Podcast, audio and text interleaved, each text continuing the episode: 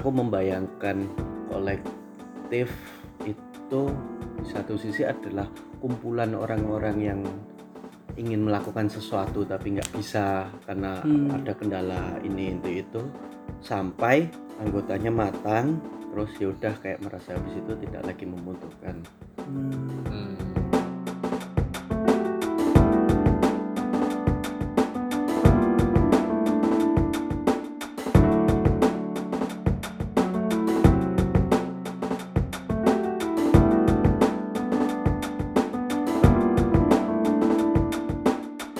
Padahal kita tuh butuh effort untuk mengubah atau bukan mengubah ya, apa ya, menjadikan keterbatasan itu uh, bisa menyatukan kita gitu loh. Hmm. Jadi nggak ya nggak berhenti di situ aja. gitu.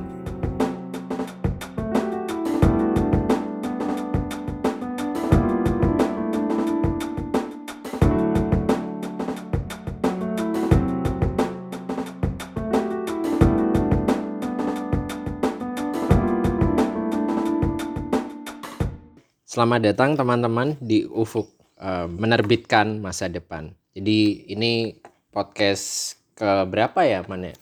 ketiga Ketiga, jadi pengambilan perekamannya ketiga, tapi ini mungkin bukan jadi podcast episode ketiga, bisa jadi bukan. Dan ini adalah eh, bagian dari Ufuk, podcast Ufuk. Tagline kita menerbitkan masa depan. Ufuk sendiri adalah wadah bersama untuk mendorong cakrawala berpikir soal dulu, kini, dan nanti secara luas dan luas. Uh, bagi Ufuk, peristiwa adalah arsip, arsip adalah peristiwa. Berbekal bahasa kasih, Ufuk berupaya mengarahkan perhatian untuk meragukan ketidakmungkinan masa depan yang mungkin.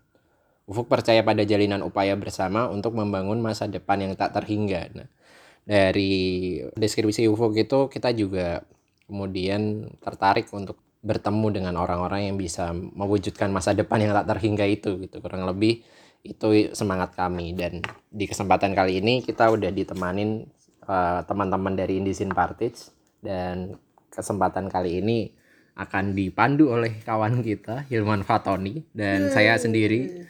Di sini Rifki Ape yang akan menjadi co-host bagi Hilman Fatoni. Kami dari Ufuk dan ada teman-teman Indisin yang nanti mungkin akan berkenalan ya.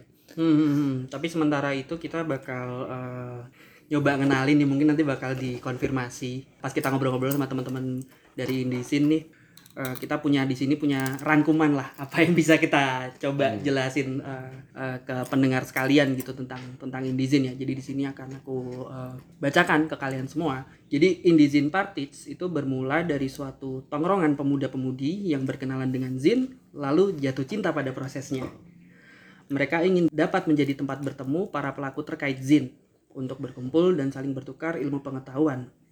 Seperti Zin, mereka ingin menjadi sesuatu yang bersifat terbuka dan terbatas. Terbuka sebagai ruang pertemuan untuk membicarakan kemungkinan-kemungkinan baru dan menjadikan keterbatasan sebagai kekuatan. Dengan harapan ruang pertemuan ini kemudian bisa menjadi tempat melahirkan gagasan-gagasan untuk keluar dari segala permasalahan. Mereka percaya pada efek domino, yaitu ketika Indisin Partage melakukan sesuatu dengan sungguh-sungguh, meskipun kecil, sesuatu itu diharapkan dapat menyebarkan dampak kebaikan ke orang-orang di sekitarnya. tapi ya Oh, lumayan lumayan ya ternyata hasil hasil merangkumnya. Nah, tapi tetap tetap tetap tetap ada ada yang eh, kalau aku melihat mimik-mimik mukanya tidak ada terasa yang berbeda nih. Nah, makanya kita butuh butuh semacam apa kasarnya konfirmasi gitu ya atau atau ya ya eh, melalui hal-hal yang kita bakal eh, obrolin setelah ini sama teman-teman Indizin gitu dah. Mungkin ini jadi nyambung ke pertanyaan pertama ya dari dari Ufuk untuk eh, di, di podcast sekarang ini.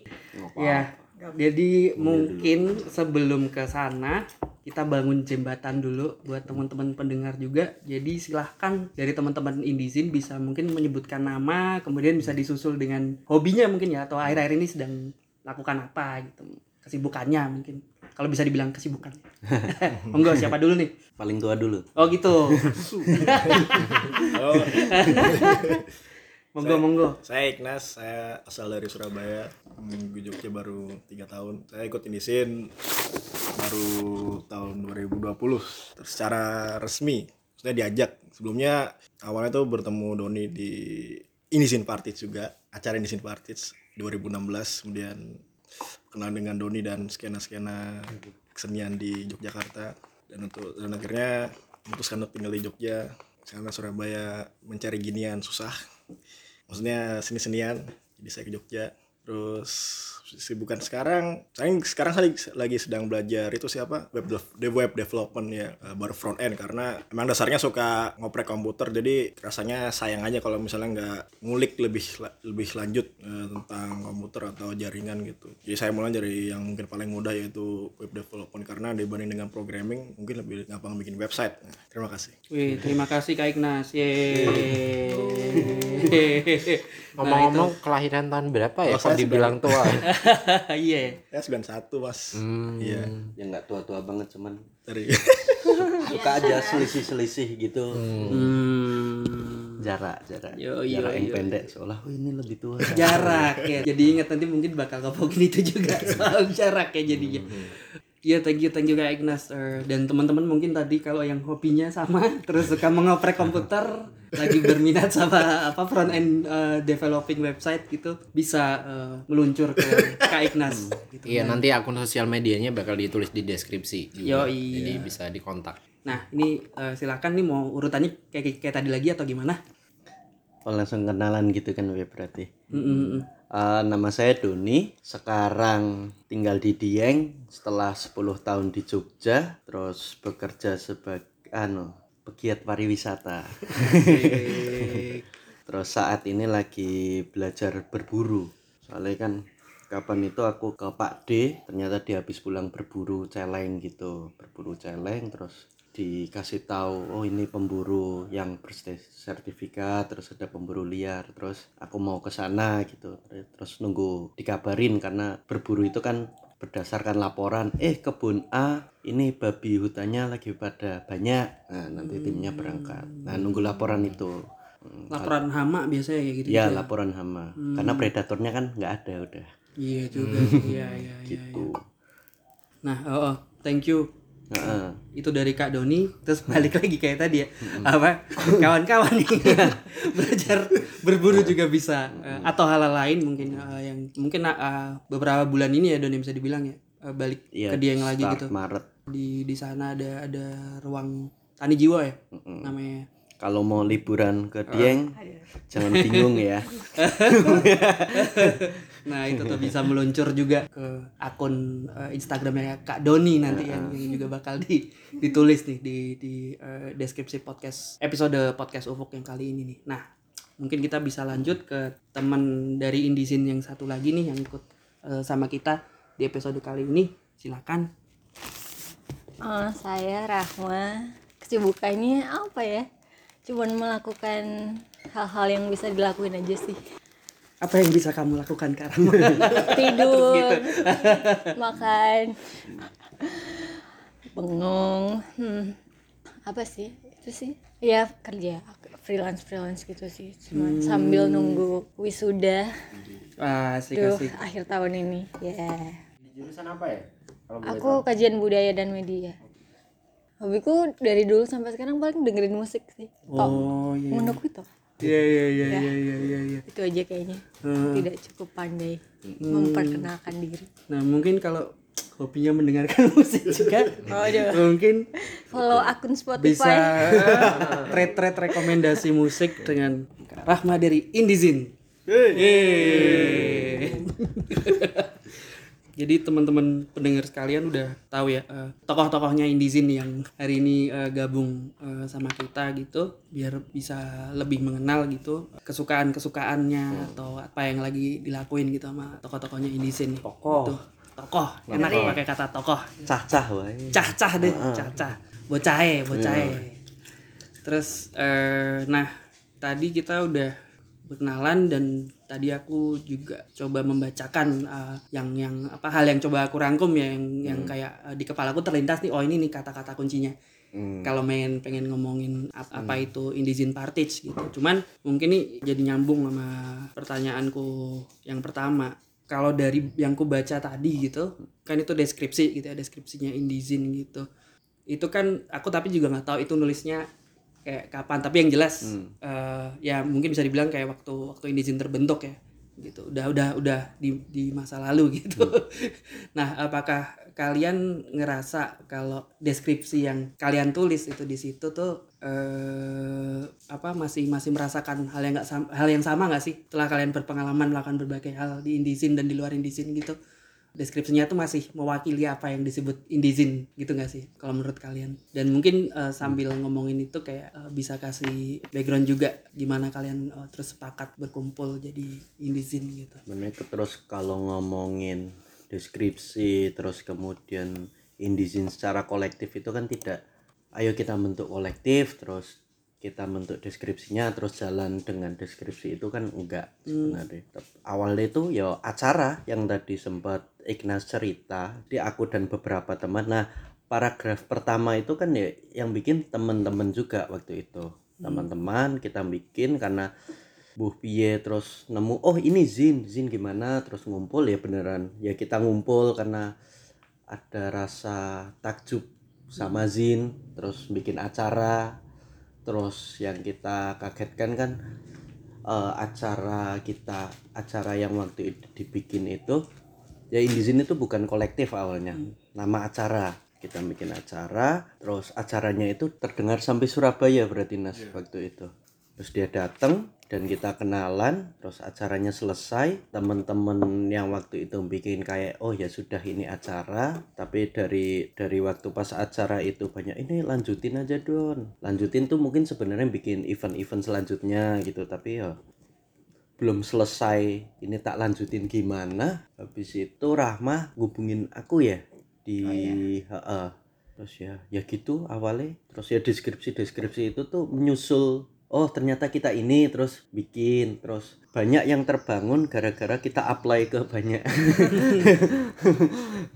Ke apply ke banyak. Mungkin Rahma malah lebih bisa cerita ya kalau soal deskripsi karena dia banyak yang menyusun hal-hal berantakan Hmm, mungkin kalau kayak yang dibilang Doni kan, oh ini ini mungkin Ya. kalau bisa dibilang penyusunnya siapa sih? Rahma gitu kan tadi jawabannya Doni. Terus kayak Pak, ngerasa lebih ke bareng sih ya karena atau bareng gitu. misal Haha. di bentuk pertama itu cuma satu amat kasarannya cuma satu paragraf terus ditambahin. ditambahin ditambahin. Pokoknya jadi yang kayak gini. Tuh sekarang ya menyesuaikan kita ngumpul terus kita bikin project kan biasanya habis itu suruh ngasih deskripsi gitu. Nah, iya iya iya iya. tapi ini kamu ngambilnya dari mana sih? Eh, aku ngambil dari WordPress. oh berarti bukan aku ya? Ada ya? Oh berarti eh, WordPress tuh pas acara ya? Berarti belum Iya. diupdate. Mungkin udah agak beda sih. Aku ngelihat tadi deskripsi itu kayak optimistik banget melihat. Hmm. eh, Siap. kolektif hmm. terus Ini. Eh, bentuk kerjanya gitu cita-cita masa depan itu kayaknya kalau sekarang kayaknya kalau aku personal ya udah kayak udah nggak seoptimistik itu meskipun mungkin semangatnya masih sama sih mungkin sekarang udah lebih surem di aku Ap- apa yang membuat tadi Rahma bilang kalau misalkan sekarang tidak lagi seoptimistik Nah. itu yang terkait di deskripsi ini gitu yang kemudian apakah soal proses ataukah soal visi tadi ya lebih ke bayangan akan masa depan. Oh oke oke oke. Apa yang membuat ini terdengar begitu optimistis? Oh bagi kalian memang itu tidak terdengar optimis Bu? Kalau kamu Pe mungkin? Kalau Tadi aku aku, udah sempet ini. basicnya pesimis jadi oh iya sama sama makanya segala pernyataan optimis itu sebenarnya bisa aja menjadi sesuatu yang ini ya agak bercampur ya. Ada ada perbedaan antara realis optimis pesimis dan defeatis gitu ya. Jadi aku pikir pernyataan deskripsi ini buatku masih membuka ruang jadi nggak bisa dikategorikan optimis atau pesimis sih tapi menarik ketika misalkan Rahma tadi bicara bahwa sekarang kondisinya tidak seoptimis deskripsi yang tertulis dulu. Hmm. jadi perubahannya apa kemudian yang kemudian dari sudut pandang Rahma? Apa ya? Ya mungkin aku ngerespon di deskripsi yang dulu itu misal kayak bagian tentang menjadikan keterbatasan sebagai kekuatan. Eh, itu aku baru denger sih. Jadi gini gini, mungkin kalau sambil kejelaskan, aku mencoba merangkumnya kan di situ kayak eh, aku melihat kata terbatas itu kan kalau dari aku meru- dari rujukan yang yang yang ada di eh, website gitu misalnya, yang kubaca habis itu kalian eh, ingin mem- memakai sifat zin yang apa memiliki keterbatasan dalam artian mungkin terbatas-terbatasnya zin itu kan eh, distribusinya nggak bisa gede gitu-gitu kan kayak terus eh, membuat materialnya pun eh, dari apa yang ada kalau kita ng- ngelihat zin-zin yang sifatnya kolase di di ya, sampai sekarang masih ada sih ya dari misalnya dari tahun 70-an gitu di pang-pangan. Gitu-gitu kan Eh, aku aku eh, terus kemudian me- me- memframe-nya seperti itu dari dari kata-kata kunci itu. Itu kalau kita sekarang ngeresponnya ya keterbatasan tuh butuh sesuatu butuh uh, apa ya kayak butuh ya butuh jalan lain biar bisa bisa biar bisa ngelakuin bareng-bareng. Jadi apa ya tetap butuh jalan untuk bisa kita ngelakuin bareng-bareng gitu sih. Jadi pemantik untuk berkomunikasi menjalin pertemanan gitu ya iya. sebenarnya dari situ ya. Jadi mungkin jadinya kayak kalau yang di pernyataan ini keterbatasan sebagai kekuatan itu jadi berarti dipandang melihat keterbatasan sebagai kekuatan itu agak optimistik ya kayak misalkan bahwa semua keterbatasan bisa diubah menjadi kekuatan gitu. Padahal Tidak- kita tuh butuh effort untuk mengubah atau bukan mengubah ya, apa menjadikan keterbatasan itu eh, bisa menyatukan kita gitu loh. Jadi nggak ya nggak berhenti di situ aja gitu. Hmm. itu sangat menarik karena salah satu teman kami yang di sekolah rimba itu pernah bilang kalau kita memikirkan masalah itu biasanya dipikirin secara kolektif. Lo biasanya misalkan banjir gitu. Tapi begitu ngomongin mimpi kita kadang berpikir secara individual gitu. Jadi kalau jadi Rahma bilang ini bisa ditangani secara bersama-sama itu jadi jadi yang jadi hal yang menarik ya. Karena kemudian salah satu mungkin energi yang membuat orang berkolektif dalam artian bukan kolektif ini ya atau berkumpul lah gitu. Karena kolektif agak overuse dan punya punya pemaknaan yang berbeda ya terutama di, di ranah Paguyuban. seni paguyuban gitu juga. Itu aku rasa tadi menarik ketika tadi kamu bilang eh, justru si keterbatasan ini jadi eh, sarana untuk berkumpul dan menanggap menanggapi itu ya gitu. Untuk kemudian melampaui keterbatasan itu sendiri bukan bukan bermaksud optimis tapi justru lebih realistis gitu. Hmm, gitu. Gitu berawal-awal udah gerus ini udah Iya, katanya no pressure nih. Tapi udah apakah keringetan. hidupku berarti tapi ya menarik kayak yang dibilang apa juga kata kolektif yang overuse itu juga kemarin kita misalnya ngobrol di episode lain sama temen dari eh, Tonjo gitu juga ngomongin sebenarnya kan yang dibilang kayak ya Pak Doni tadi bilang paguyuban, laskar, partai gitu-gitu kan juga. Cara ngemulainya mungkin sama kan Eh, apa kemudian kumpul terus ya sebenarnya bisa dibilang kolektif juga. Dan nggak tahu bener apa enggak tapi kayak ya eh, mungkin orang setiap orang tuh eh, setiap tongkrongan lah bilang aja itu ngumpul karena bu- apa ada ada jadi satu yang ngumpul tuh karena butuh satu sama lain itu tadi kan. Merasa terbatas satu sama lain gitu kan. Mungkin kalau dari sisi eh, kalau aku inget tuh Indizin tuh dulu kayak ya itu kan ada acara gitu kan kalau yang diceritain Doni tadi terus aku ingetnya tuh dulu ada misalnya acara di Lir ini Heeh.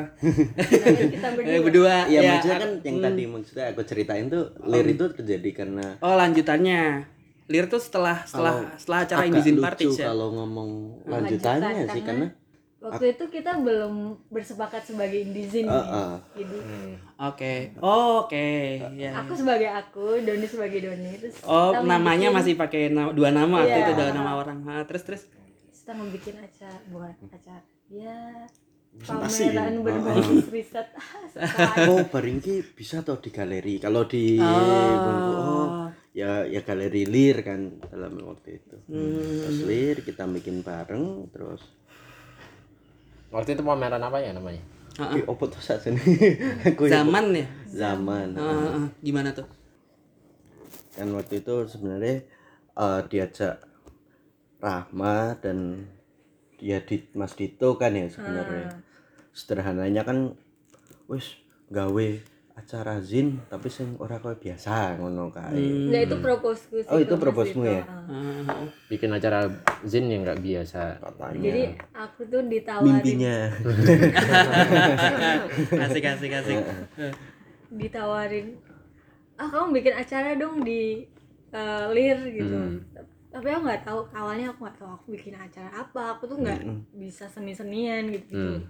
terus, terus dia bilang "Ya, ketertarikanmu apa sih gitu gitu Hmm. ya aku akhirnya ini ngobrol dengan Jin Hmm. gitu sih terus yaudah aku uh, propose itu ke ke lir gitu jadi mungkin aku bakal bikin acara zin tapi yang enggak bukan event eh bukan event yang kayak zin fair gitu gitu Hmm.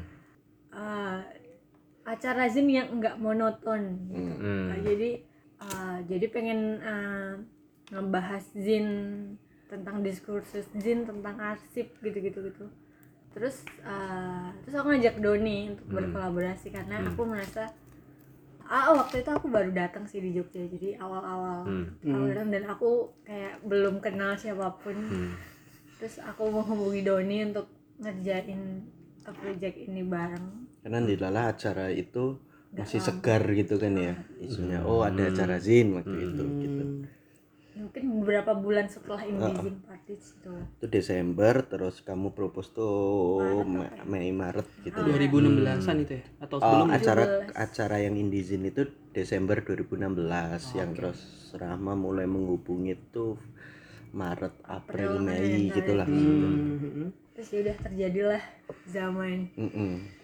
Zaman tuh bahasa apa sih tuh Zaman itu membahas apalagi eh, Rahma ma- ngajak ngajak bikin acara zin yang bu- yang nggak biasa. Maksudnya ah, aku mau pakai bahasaku aja maksudnya nggak biasa sih. Nggak biasa ya piye ya aku yang nggak datang acara zin baru yang aku bikin sendiri gitu. Hmm.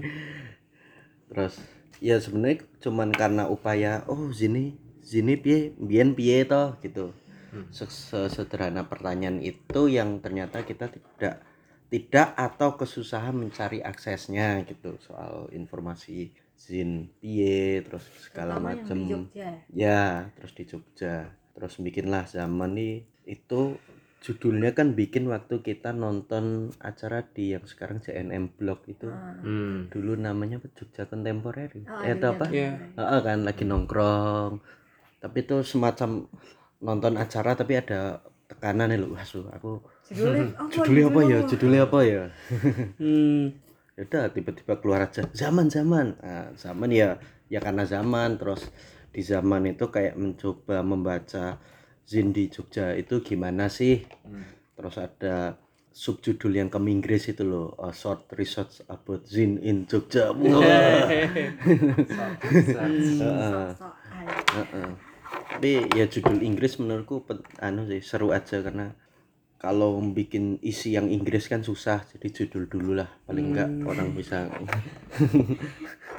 ya udah intinya short research berarti kayak mewakili DWI Sony apa ya ya emang singkat itu terus ngomongin di Zin di Jogja gimana gitu-gitu sih. Terus ya kita banyak ngobrol dan kalau nggak salah itu kamu juga main ke kunci ke radio buku gitu-gitu ya aku ke waktu itu ya? tuh dulu ke Acong gitu gitu Mm-mm. terus ke IPA ya kamu main-main dan ya kita banyak ngider nongkrong. wawancara ha, wawancara. Hmm. ya gitu. Tapi terus tadi ngomong kayak ada pengen bikin acara zin yang nggak biasa, nggak nggak monoton gitu, seger gitu. Tapi emang eh, kalian rasa kera- rasa ada rasa teraktualisasi nggak sih waktu itu? Eh, penasa, rasa penasaran untuk wah ini emang eh, ini yang yang ku maksud dengan tidak segar dan eh dengan segar dan tidak monoton itu pas itu kejadian gitu. ya kalau dari aku tuh acara zin kedua yang aku lihat sih yang pertama juga yang indizin yang di 2016 aku jadi nggak tahu itu apakah itu segar atau enggak Hmm, mungkin dari dari apa? Habis itu ada teman ngobrol gitu-gitu yang pada datang gitu atau Oh. pada baca zaman gitu ngomong ke kalian apa gitu terus ya. Malah lebih banyak ngomong soal displaynya ya waktu itu Oh ya? ya tapi ada beberapa teman-temanku kayak ngerespon ah aku uh, suka sih dengan zaman gitu terus uh, akhirnya bikin kayak inisiatif untuk mengarsipkan zin di misalnya di tempat mereka gitu di kota mereka gitu, Hmm. aku dapet respon itu sih dari temanku Hmm. Kalau waktu itu si Tommy sama Huhum datang Tommy warning. Wah, mbok iki lho acara zine displaynya rapi. Emang acara zin displaynya gimana kan aku juga nggak tahu. Oh, gitu. ya tapi akhirnya ya ya aku bikin ya sa- setauku ya kalau enak dilihat ya ditata di Hmm. ngadepin gitu-gitu. Responnya gitu, tapi aku nggak tahu itu aka- apakah itu jadi ide segar atau bukan tapi Kalau dari Rahma sendiri tadi karena yang mencetuskan kata monoton. Iya. Nggak, Yang nggak, nge-propose tadi maksudnya- kata ya. Jadi kan karena kemudian bukan nggak harus bilang segar juga sih, cuman Hmm. eh, kemudian bentuk pilihan acara yang kemudian kalian bikin itu apa yang membedakan dengan yang kamu bilang monoton tadi dan biasanya yang monoton tuh kayak gimana sih emang Hmm. tanpa harus menyebut tokoh-tokoh lain atau apa pun ya gitu. oh, malah seru loh kalau disebutin. Kalau kalau mau disebut juga nggak apa-apa. Iya. Mungkin sebagai otokritik juga. jadi sebelum sebelum aku ke Jogja itu aku beberapa kali ke eh, ke event zin gitulah zin fair gitu-gitu dan acara itu selalu kayak lapakan terus musik terus intinya lebih ke apa ya dan dan pembicaraan atau diskusi di dalam itu selalu yang sama gitu tema-temanya yang yang ah, menurutku tuh selalu kayak gitu-gitu terus diulang-ulang terus gitu terus Ngapa musik wis, gitu. diskusi dan diskusinya sama gitu Apa itu zin gitu. Apa itu sih? Aku baru mau bilang.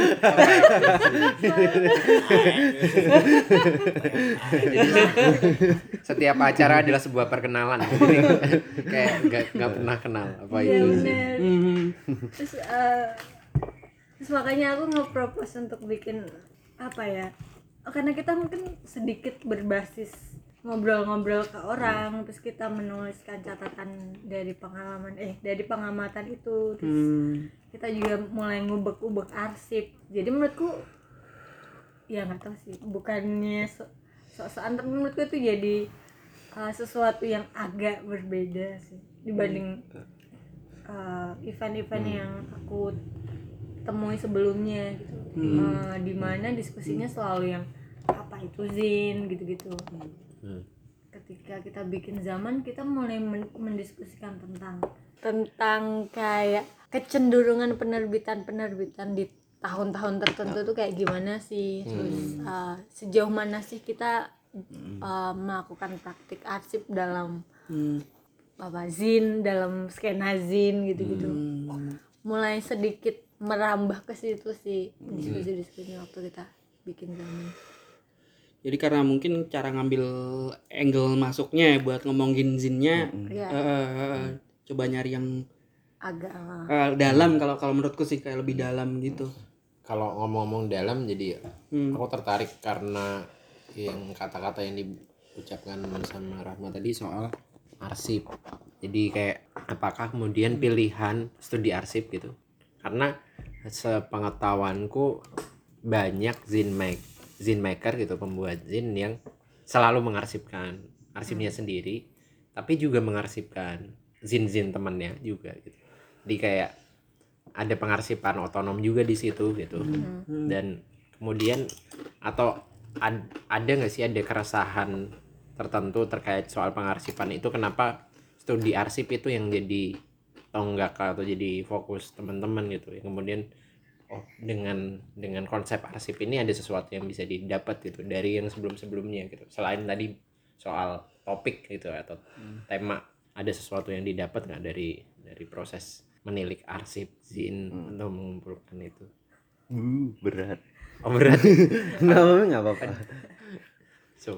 Tapi bahkan misal kayak uh, istilah di deskripsi bahwa kita melakukan praktik arsip itu pun kan setelah kita melakukan bisa bilang kita walaupun waktu itu bukan indi sini Iya, ya. ya apa-apa. Toh akhirnya kita jadi di sini. Heeh. ya maksudnya oh kita ngapain bikin zaman itu erat kaitannya sama pengarsipan hmm.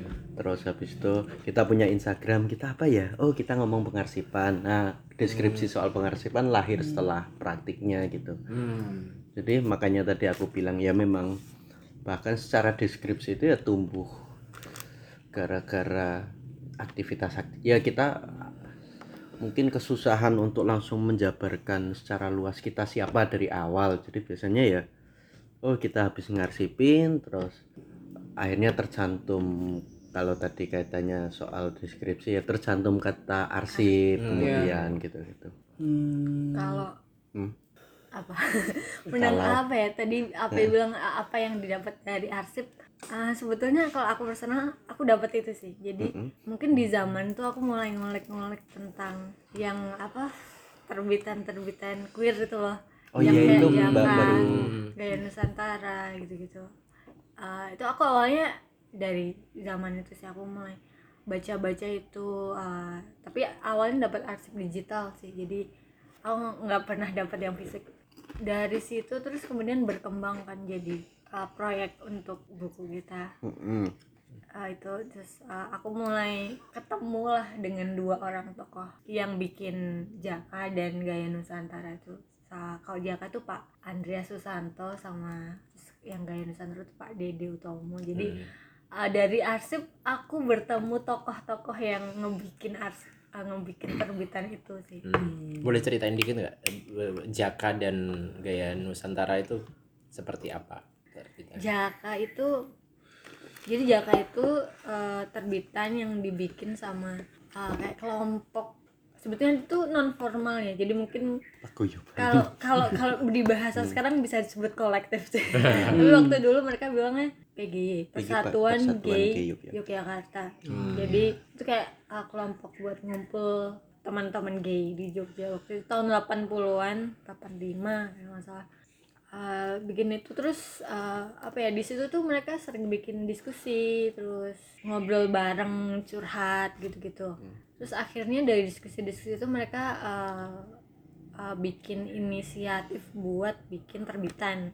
Uh, sebetulnya mereka nggak bilang itu sebagai zin sih karena menurutku tema terma zin itu mereka nggak mungkin nggak terlalu familiar dengan itu tapi mereka nyebutnya buletin gitu atau bu- yang yang sebetulnya sama kayak zin gitu. Jadi dicetak difotokopi terus distribusinya juga kayak di temen ke temen gitu gitu terus kalau gaya nusantara mungkin tuh udah lebih populer ya sekarang. Iya. udah lebih gede ya.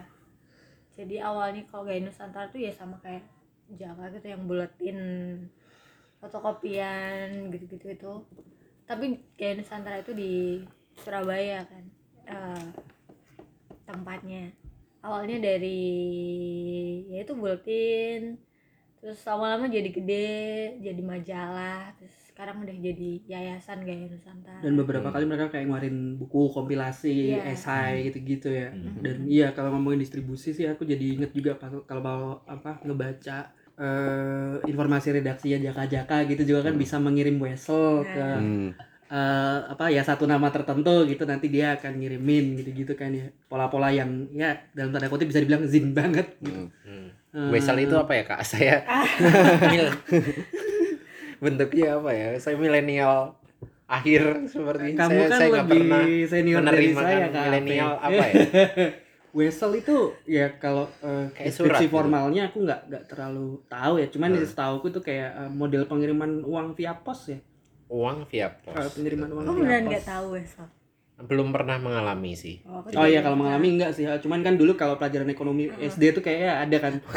Pilihan ganda Ekonomi gitu kayak SD. SD udah ada Wesel astaga. SD pas SMP lupa ya. Eh ekonomi SMP ya Saya IPA, maaf ya. Ya, terus terus. iya iya iya. Ah, tapi yang yang ku ingat juga itu sih dan ah, dan kalau tadi sempat eh, ngomongin apa lanjutannya habis itu jadi eh, buku yang bakal keluar ya. Yang eh, bakal eh, dikeluarin sama Indizin sih. Eh, kapan? Ada ada. Mungkin mau kasih bocoran waduh nunggu Tommy. Ngabarin. ngabarin. Penerbitnya oh gitu ya gitu ya gitu ya. Tapi Eh, katanya udah diproses proses Oh, udah udah Hmm. masuk percetakan. Itu juga dinantikan sih. Dan salah satu chapternya kan soalnya ngomongin arsip juga gitu. Ya, aku ingat sih. Tetap dilanjutin jadi eh, Mm-mm. eh, artikulasi arsip itu sendiri. Hmm, ya menarik kayak kata Rahma tadi ketika Hmm. penelusuran arsip justru membuka ruang baru yang sebelumnya nggak ditemuin gitu. Jadi Hmm. justru misalkan kalau pemilihan topik biasanya kalau rapat redaksi di eh, penerbitan mahasiswa gitu kan memilih suatu topik jadi akhirnya yang digali di topik itu aja gitu tapi kalau memulai dari arsip ternyata bisa sebaliknya gitu jadi dapat topik yang baru gitu atau ide-ide baru yang muncul dari proses ak- aktivitas mencari arsip. Mana aku juga penasaran tadi jawaban atas Indizin munculnya di mana dan juga bergabungnya sobat kita dari Surabaya ini gitu. Ma- apakah dari awal waktu ada acara itu kan belum kan? Belum. Berarti. Nah, awalnya kemudian keputusan kalian oke kita uh, jadi Indizin gitu kayak misalkan itu kayak hampir kayak Avengers gitu kan menobatkan diri jadi satu ya kelompok yang kemudian memakai nama Indizin dan kemudian terketerlibatan. Ignas juga masuknya dari mana? Karena mungkin Rahma udah kontak Doni secara personal. Terus apakah dia orang yang terasing? Terus tiba-tiba ini. Ya bahkan dia kan lebih ya dia di acara pertama Indizin anu datang kan jauh-jauh dari dan aku juga Surabaya. kenal Ignas eh setelah itu ya? Aku lupa nih. Surabaya Surabaya. Wah waktu di Surabaya deh. Oh berarti habis zaman Jadi urutannya ada acara namanya Indizin Martage tahun 2000 16 16. Desember itu Ignas dan Abraham ya Hmm. teman Surabaya datang udah datang terus nggak selang lama aku dan Rahma bikin zaman Hmm. terus kayaknya habis itu si Abraham temennya temennya Ignas yang waktu itu datang ke ke ke acara. acara. Kayak apa nih Don? Bu Oh, ap- pokoknya bu acara nih terus kita di- Diundang. diundang diundang ke Surabaya kayak gantian gitu loh. Kan kita temennya dikit. Ah. terus siapa ya? Ignas akhirnya kita ngubungin Ignas tampung kita dong gitu. Kita nginep di sana. Hmm. terus ya bahkan waktu itu tuh bukan ah indisin secara kolektif gitu ya. Belum. Pokoknya cuman ada baru ada Instagramnya seingatku waktu itu. Dan Instagramnya ya ya iseng aja anu nyimpen nama aja waktu itu. Nyimpen nama bikin ya pokoknya eh, ingatan bahwa ada formasi ini ya waktu kita ke Surabaya toh Hmm. pertama kali itu acara di Surabaya kayak Zinfest gitu juga ya? Iya, atau Zinfest, ya. gimana gimana? Invest yang tadi dibilang Rahma kayak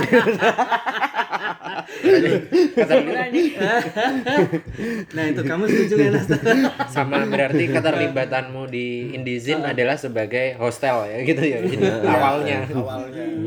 Saya kan itu apa sudah bikin di sini kan awal 2016 bikin terus si Abraham temanku tadi bilang iki lo ono nang Jogja oh ya udah lah udah udah udah.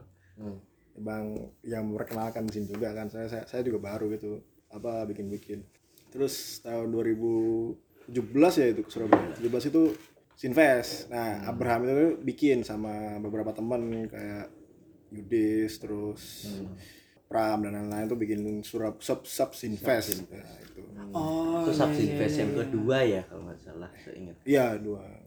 Itu sudah udah berjalan sih satu dua. Cuman yang ketiga dipegang mereka gitu kan. Terus ngundang Doni untuk mempresentasikan zaman. Doni doang Da- Doni, Doni membawa kawan-kawan dari Jogja gitu untuk melapak dan presentasi. Udah akhirnya berjalan waktu terus ada beberapa kali aku ikut tapi belum official. Jadi ikut sama Doni diajak ikut ada acara di- bantu-bantu. Padahal dia yang ngajak loh. Don iki ono acara zin tapi di Jepang oh gitu. Itu pertemuanku selanjutnya habis itu sama Igna. Hmm. terus udah terus habis itu aku balik ke Surabaya lah. eh sorry. Balik ke Surabaya di Surabaya ke Jakarta ikut good school. Dari good school baru memutuskan untuk ke Jogja tinggal di Jogja. Dan akhirnya eh, kapan tuh ya? Awal pokoknya awal-awal mau bikin buku deh itu aku baru official tuh diajakin. Kalau nggak salah ya saya lupa itu soalnya jadi lebih intens habis Ya. itu ya temuannya lebih ke iya lebih ke intens aja sih. Intens dan secara formal ngajakin. Cuman kalau keterlibatan udah dari awal banget teman-teman saling bantu satu sama lain gitu. Kayak anak band gitu awalnya ini ya. Tradisional. gitu terus tiba-tiba langsung jadi udahlah gitu nggak usah pakai nama additional udah sering korespondensi gitu lah ya Iya, terus iya. tukar-tukaran info segala macam kalau yang di Jepang sendiri tuh? Hmm, coba ceritain. itu awalnya gini aku kan lagi oh tuh balik lagi ke aku baru bikin zin. Cari info nih banyak banyaknya ada apa sih? Jadi kepingin luar negeri boleh gitu dari sini bisa. Oh ada buka uh, application buat zin. Awalnya tuh zinku tok yang ke Jepang sih kirim wes lah. Terus Apa ya dulu namanya Zin? iya ah zin saya. Heeh. it's plenty of it. It's gitu. plenty of it. ya itu. Insya Allah saya lanjutkan lagi. Nah, terus apa namanya eh, tahun berikutnya kalau nggak salah 2018 itu ya dia dia tahu an- an- anu kan terus bikin lagi terus aku ngabarin Doni. Ini ada lagi nih aku kemarin ikut teman tapi izin buto. Terus aku tak coba ngomong ke penyelenggaranya bisa nggak untuk misalnya kalaupun minta dana ke funding kan oh harus ada yang invite. Nah bisa nggak kalian untuk nulis saya menginvite kalian untuk ikut dalam acara kami. Oh ternyata mereka bisa. Ya udah akhirnya bla bla bla bla bla minta bantuan kunci juga kalau nggak salah. Alhamdulillah bisa berangkat gitu. Terus selanjutnya beberapa kali Doni juga melakukan itu kan kayak yang ke Hong Kong gitu gitu cuman tuh anu sih. Aji mumpung. ya Ya. kadang aku ikut kadang enggak terus kadang yang lain gitu gitu sih tapi yang pasti Doni selalu apa ya hmm, kalau aku aku bilangnya ketika aku aku orang gini eh aku no info terus kata bapak no ya karepmu terus tapi diseriusin gitu oh ya udah Iya. kayak gitu Sepaneng aku orang. tapi iya sih Eh, tadi kita eh, selama ngobrol kan juga jadi ngomongin kota ya Hmm. ini Jin awalnya misalnya di Jogja gitu ketemunya Rahma Doni bikin acara lanjut segala macam terus korespondensi sama Ignas yang dari Surabaya gitu terus aku jadi kepikiran gitu kayaknya eh, kalau ini dibawa ke kota lain responnya kayaknya nggak bakal kayak gini deh ada ada ada ada kebayang skenario gitu gak sih dan dan apakah pernah ngerasain sebenarnya kalau tour yang ke mana gitu terus nemu respon yang beda gitu dari dari kota Jogja atau dari Surabaya gitu ya pas lagi jalan-jalan sendiri Sebenarnya atau bareng-bareng Mhm. nggak banyak melakukan tour ya. ya dilalah kita anu aja heboh aja kalau di medsos. Ini katanya banyak. Hmm. Kalau beda jelas ya menurutku. Jelas beda tapi nggak tahu itu nanti responnya bisa lebih baik dari ini atau lebih buruk dari ini ya nggak tahu juga sih. Tapi kalau nggak dilakukan misal tadi case kita akhirnya melting potnya gitu di Jogja kan kita di Jogja tapi kalau kasusnya di Surabaya misal ketemunya gitu ya kalau ngomong beda pasti beda Hmm. cuman nggak tahu bedanya piye nanti gitu nggak sih kamu pertanyaannya kalau Iya, bayangin? iya, bayanganku juga gitu sih kayak eh, pengalaman lebih ke penasaran ke pengalaman ini ketika ngomongin wacana itu tadi misalnya angle-angle cara masuk ngomongin zin di satu tempat ini kan tadi kayak ada respon dari eh, Tommy dan Hum gitu misalnya oh oke displaynya gini Ki. gitu. terus ada ada kesempatan ke Jepang kalau salah ada yang Hong Kong juga ya Hong Kong atau Taiwan? Hong Kong. pengalaman ke situ juga ya? Hong Kong Eh, ya kalau yang itu lebih lebih ke kegiatannya apa sih waktu itu Hong Kong itu diundang waktu itu. Gara-gara kunci loh. Oh gitu? Heeh, jadi kunci itu ada semacam seniman panggil ada si Elaine waktu itu kan mampir di Jogja kan dia dikunci. Terus kunci itu manggil teman-teman yang ada kaitannya sama penerbitan mandiri dan dia dia sempet nulis tentang iya zin. Zin gitu itu korespondensi yang kayak gitu kayak gitu. gitu, awalnya. Hmm. Aku sih yang ngomong oh gitu. Otomatis nih ngelempar-lemparnya sebenarnya. ya gitu sih. Tapi kalau yang bisa aku ngomong jelas itu adalah misal aku dilala sekarang di Dieng gitu. Yang aku nggak bisa ngomongin Zin di sana. Ya kalau ngomongin tadi mau ngaitin soal kota ya jelas beda gitu.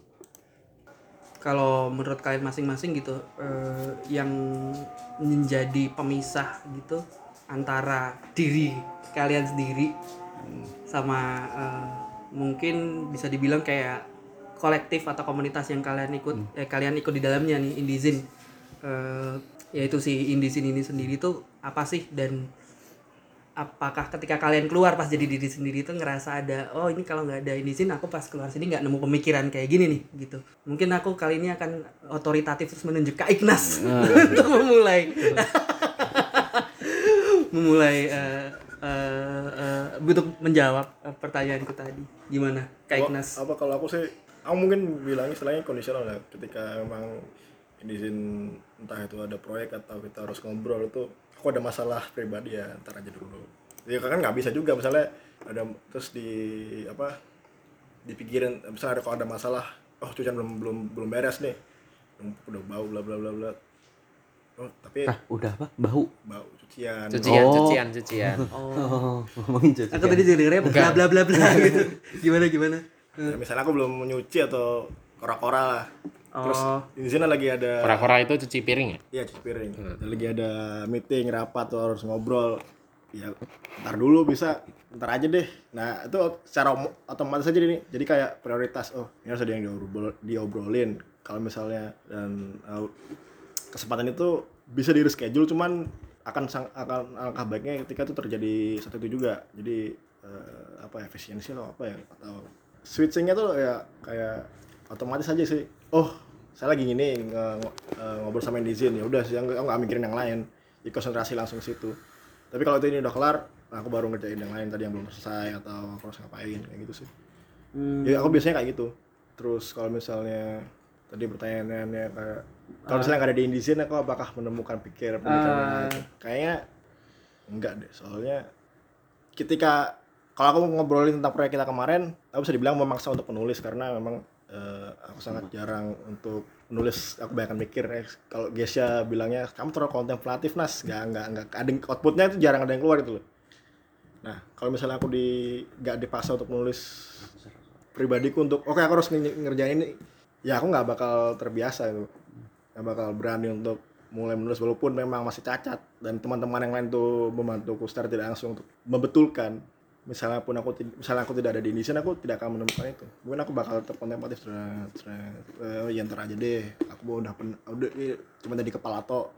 Tapi nggak lahir dari sebagai sebuah entah itu tulisan gambar video nggak. Saya kayak kalau misalnya nggak ada Indonesia tidak terjadi seperti itu Jadi itu posisinya kayak kalau ngomongin tadi balik ke deskripsi gitu eh, Indizin sebagai ruang pertemuan tuh juga fungsinya jadi inward ya Nas ya. Hmm. Ke dalam sendiri juga ya. iya. Ke dalam kedirian gitu yang oh, oh, apa maksudnya dibawa eh, di dalam anggotanya gitu yang kemudian keluar oh jadinya gini nih aku aku nemu pantulan-pantulan feedback-feedback kayak gini tentang tentang aku gitu tentang pemikiranku dan tentang pola pola aku berkegiatan gitu gak sih berarti? Kayak gitu-gitu. Iya kayak gitu terus. Aku sih me- apa ya mengambilnya kayak eh, learning by doing gitu kan. Hmm. Salah salah ya wes, kalau di kalau iso di benerno. Kalau temanku bilang itu kalau masalah geser dikit ke eh, kerjaan ya karapan sih revisi kono. Yo, tapi karapan sih dulu, santai aja. Nah, ngono. belajar dari teman gak sih Iya.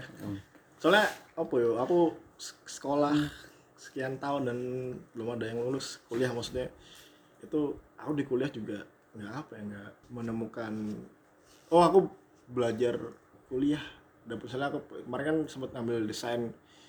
Aku cuma paham nirmana pengaplikasiannya itu dari eh, beberapa perguruan tinggi yang aku hadiri itu kayak kurang gitu mereka aku mik- aku eh, nganggapnya para dosen ini tidak kompeten dalam mengajar. Dia hanya ngasih tugas terus harapan karepmu piye terus yang harusnya desain memecahkan masalah itu malah memperindah gitu loh.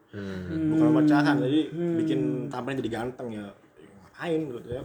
Dan aku paham nirmana pun itu aku masuk desain Despro 2010 terus kuliah lagi 2013 tuh baru 2013 itu aku paham nirmana. Jadi kayak aku harus maksain loh oh nirmana kayak gini tuh. Komposisi eh, balance warna bla bla oh ya gini tapi kan ketika pengaplikasian itu kepada desain kan beda. Nah dosen tidak ada yang menerangkan. Memang sih kita dosen kayak ya urusan kalian kalian sudah mahasiswa bla bla bla bla cari di internet. Hmm. ya kok gitu sih. Anda kan ngajar. Batin sih batin. Hmm. nah, sementara yang lain itu ya, kayak gitu gitu dapatnya di luar kuliah atau di luar akademik. Dari pengalaman keluar masuk berkomun di komunitas gitu ya? Eh, bukan eh, keluar masuknya di kampus. Yang literal gitu ya yang literal. Ya nah ya eh, mungkin Doni atau Rahma juga apakah itu merasakan hal yang sama atau beda eh, tentang itu ya tentang eh, cara memisahkan diri gitu istilah cara memisahkan diri Eh, aku nih sebagai Rahma aku sebagai Doni gitu. Terus kemudian di sini sekarang kemudian aku sebagai Indizin nih aku aku akan menggunakan pola ini untuk untuk berkegiatan gitu. Em, sweet sweet yang kalah. Oh mau sweet nih mereka. Untuk nentuin yang jawab siapa. Ya yang kalah Jepang apa Jepang Jepang Jepang itu gini Ah, Iya. ah. eh Gunting ini- batu kertas. Gunting ini. batu kertas. ya Ya, nanti kalah. Tidak. Jabdan. nggak tiga kali kelamaan buat Dan- sweet dong terus Dan apa mungkin eh, kalau kalau ini udah ketahuan nih Jabdan nih gitu jadi jadi tahu follow up follow upnya di apa mungkin karena Doni juga eh, beberapa waktu berlalu ini beberapa bulan ini eh, Doni aktif bolak-balik ke Dieng juga gitu apakah itu juga kalau tadi ngomongin eh, pengaruhnya yang diizin ke diri gitu kan jadinya. Itu juga refleksi gitu dari bagi berke- ber- berkegiatan di Indisin gitu. Atau misalnya berkomunitas secara luas gitu sih. menurutku bahkan sangat berpengaruh ya. Hmm. pakai sangat dikutip gitu sangatnya.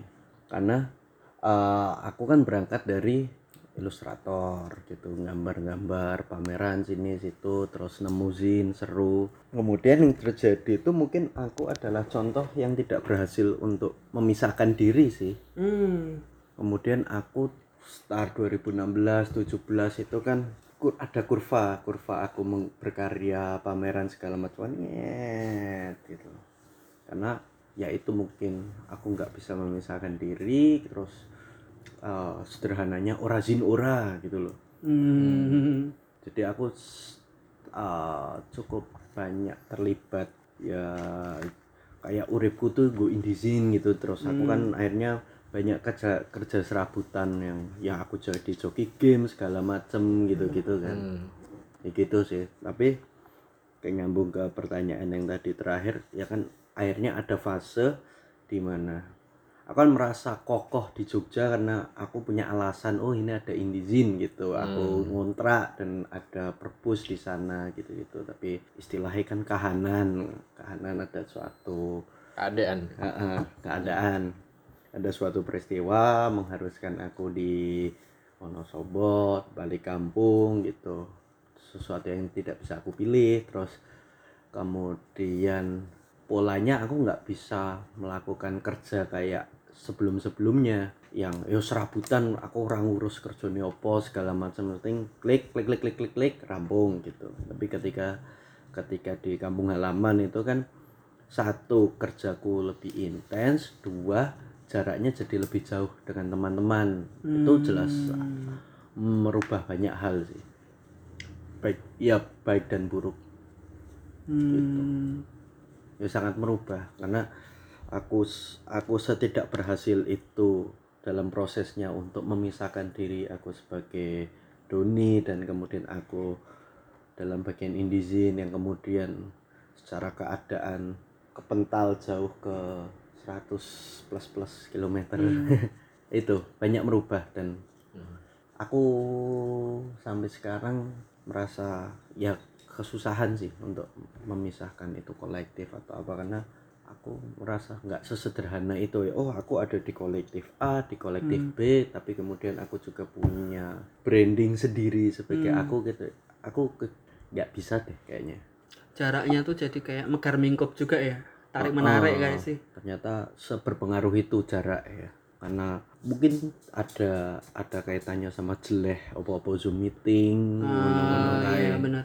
kan kalau di zoom meeting kan aku nggak bisa bagi rokokku ke Ignas atau nunggu siapa datang apa yang jelas berbeda itu kan Hmm. yang udah ketahuan berbedanya tapi lainnya kayak intinya berbeda aja dan proses memisahkan dirinya itu sesusah itu kayaknya deh Hmm. Dan implikasi baik buruknya misalnya itu tadi salah satunya Oh, oh. nggak bisa seleluasa itu untuk membagikan orang sesuatu gitu. aku ono ide Heeh. ayo kumpul Iya, Ayo, gitu kan. Hmm, untuk langsung sharing Ah, ah. gitu. Pun kan akhirnya bukan cuman aku yang yang bekerja. Kemudian kan uh, Indisin lahir itu di umur-umur teman-teman masih banyak support finansial dari orang tua yang orang mikir-mikir banget fase bertumbuhnya Indizin kemudian juga menjadi fase teman-teman anu mengisi perutnya sendiri gitu. Jadi ya memang beda. Beda ya beda. Dan untuk memisahkan diri aku rasa terkhusus aku sangat se- sangat susah itu. Hmm. Fase fase. Kalau kamu mah jawabannya.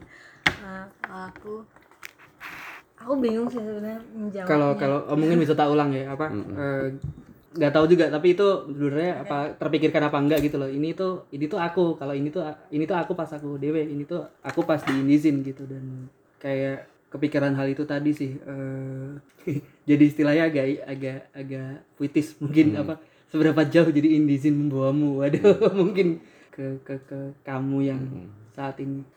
Sampai ke sini lah sampai ke sini paling. sampai ke kunci. Iya, sampai ke kunci. Naik grab tadi. Nah, ya mungkin ya sangat berpengaruh sih.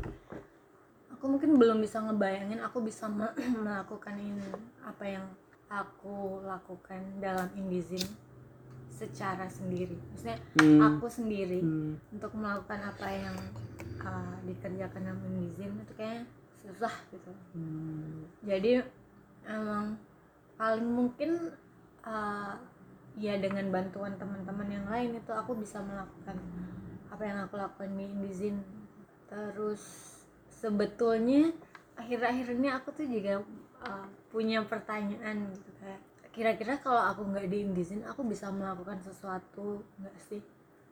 Tanpa bayang-bayang itu tanpa bayang-bayang masuk dalam kolektif gitu. Yang sudah itu ya eh, yang akhir-akhir ini aku aku pikirin gitu kalau aku uh, nggak di aku bisa ngelakuin apa ya? Gitu gitu.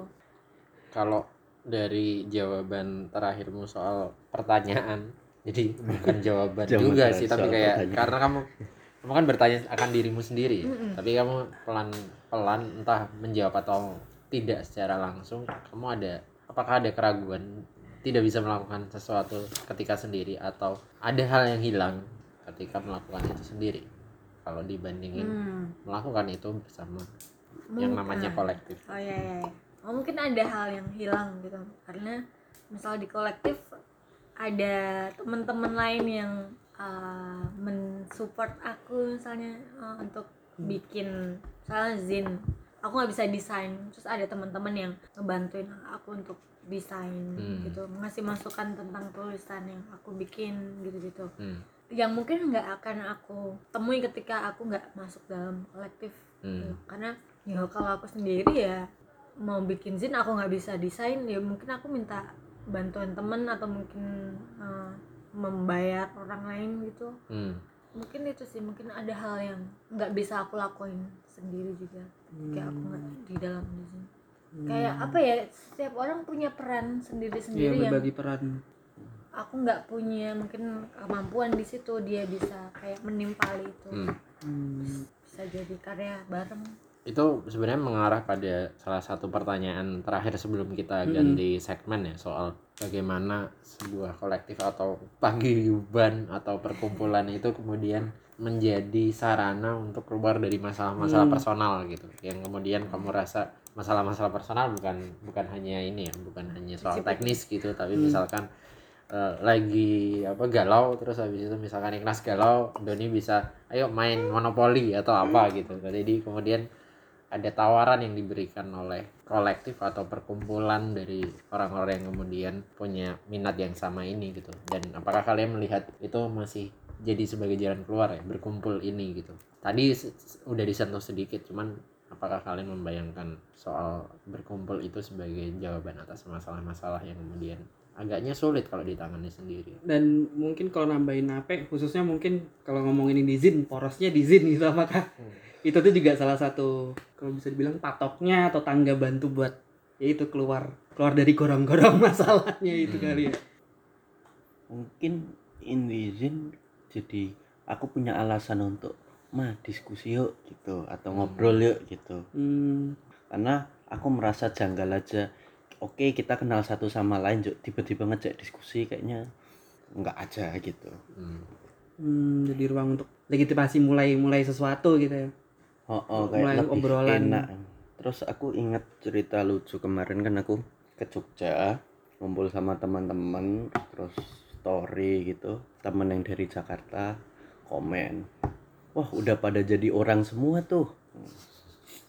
Terus aku membayangkan kolektif itu di satu sisi adalah kumpulan orang-orang yang ingin melakukan sesuatu tapi nggak bisa karena Hmm. ada kendala ini itu itu sampai anggotanya matang terus yaudah kayak merasa habis itu tidak lagi membutuhkan Hmm. Hmm.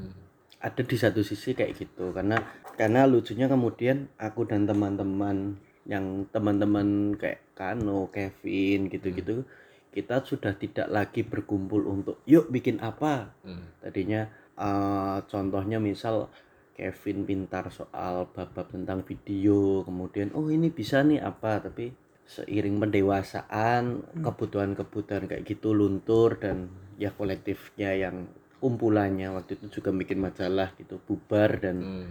ya kita kalau kumpul kadang ya kumpul aja tidak berlandaskan kolektif gitu. Itu akan jadi perbandingan yang menarik gimana aku juga ngelihat Indizin. Aku tidak pandai dalam bertutur yang elok gitu. Hmm. terus kemudian aku akan men mah diskusi yuk gitu.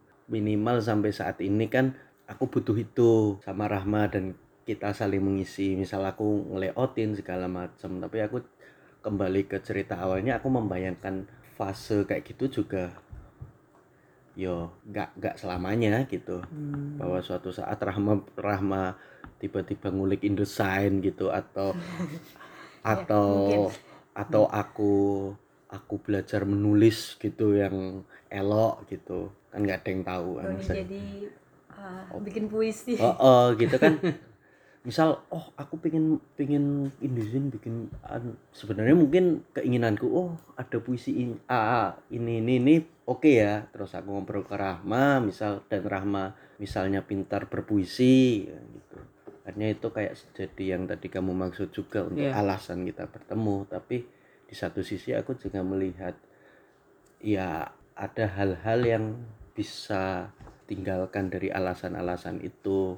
Juga apa yang dilamunkan Rahma soal oh kalau nggak di ini sih ngapain? Gitu-gitu Jadi ya tidak tidak melulu kalau ngomongin bentuk bentuknya jadi poros di apa? Ya bentuk-bentuk terbitan mandiri itu tadi salah satunya Zin. Eh, nggak nggak nggak melulu di situ. Itu itu yang kayak mungkin intinya awalnya ya jadi ruang ruang memulai obrolan sesuatu dan ya itu jadi kayak bentuknya habis itu ya habis ngobrol gitu ya. Besok kita masih akan Hmm. bekerja bersama atau tidak ya ya nggak tahu siapa tahu keahliannya terupgrade gitu kan ya. Keahlian. Hmm. Hmm. sehingga keterbutuhan untuk kolektif bahwa aku mau bisanya ini tapi ketika di kolektif eh, kebutuhanku lengkap kan karena di situ orangnya banyak Hmm. gitu Jadi kayak tadi Heeh. kalau apa Rahma belajar InDesign, InDesign nggak ada.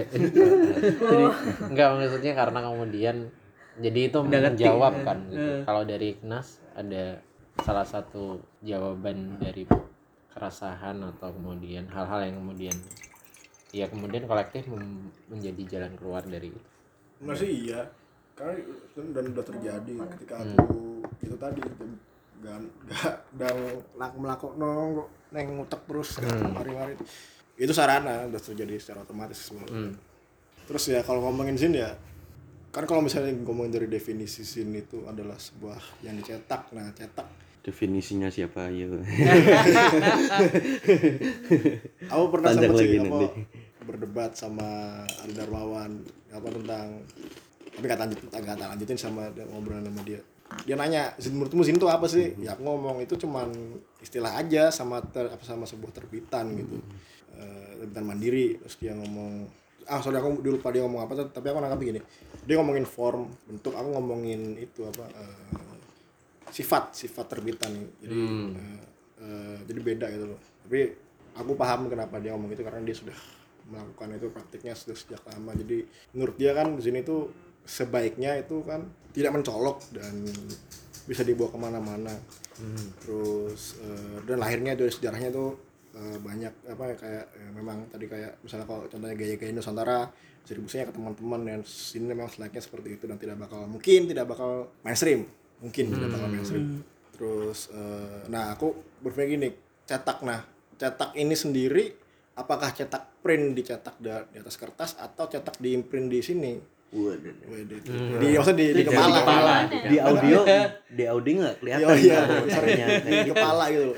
Ntar dikasih gambar. Jadi tadi Ignas menunjuk kepalanya pakai tangan telunjuk. Apakah di print dicetak di kertas atau di print imprint di di kepala atau di pikiran ya? Hmm. Hmm. Nah itu tadi apa kan kalau misalnya ngomong pertanyaan apa terbitan mandiri termasuk sebagai alat yang bisa di, Alon, alon, alon, alon. di dalamnya. Terbitan mandiri menerbitkan, saya menerbitkan zin lewat internet, seret selesai PDF jadi. Nah, Semua itu tersimpan di internet. Mungkin hilang ketika server utamanya hancur ya. Terus kiamat internet. Apakah saya menerbitkan lewat offline misalnya nyetak di print shop. Nah gitu. Menurutku sih aku kalau mungkin dulu dulu dulu ketika mungkin 2016 itu aku mungkin masih berpendapat yus ini dicetak fisik Fred semarin. Tapi sekarang oh ada data nih makin seksi data nih. Hmm. soalnya orang-orang apalagi gara-gara corona semua larinya ke online. Orang-orang sudah tinggal scroll scroll scroll jadi nah cuman menurutku aku ini eh, mengutip dari video yang dibikin sama Seniman Graffiti Koma sama Abang itu dia bilang gini. Ini emang musik sih musik. Jadi dia bilang gini eh, oke aku bisa download musik segala macem. Dari iTunes bajakan atau Spotify dengerin. Tapi kan itu ada terus ter- terbit misalnya album itu keluar single keluar ke download ke denger terus tapi cepat berlalu terus eh, artefaknya atau eh, apa namanya vis apa yang bisa dipegang tuh nggak ada. Jadi berlalu berlalu. Cepat datang cepat pergi itu apa kalau mis- aku dilemanya tuh ketika itu digital ya. Keluar tempat cepat berlalu juga. Ya sama seperti kita main Instagram ketika orang-orang nguploadin karya itu kita cuma interaksinya adalah like like komen terus itu kan seret seret seret seret seret seret seret selesai.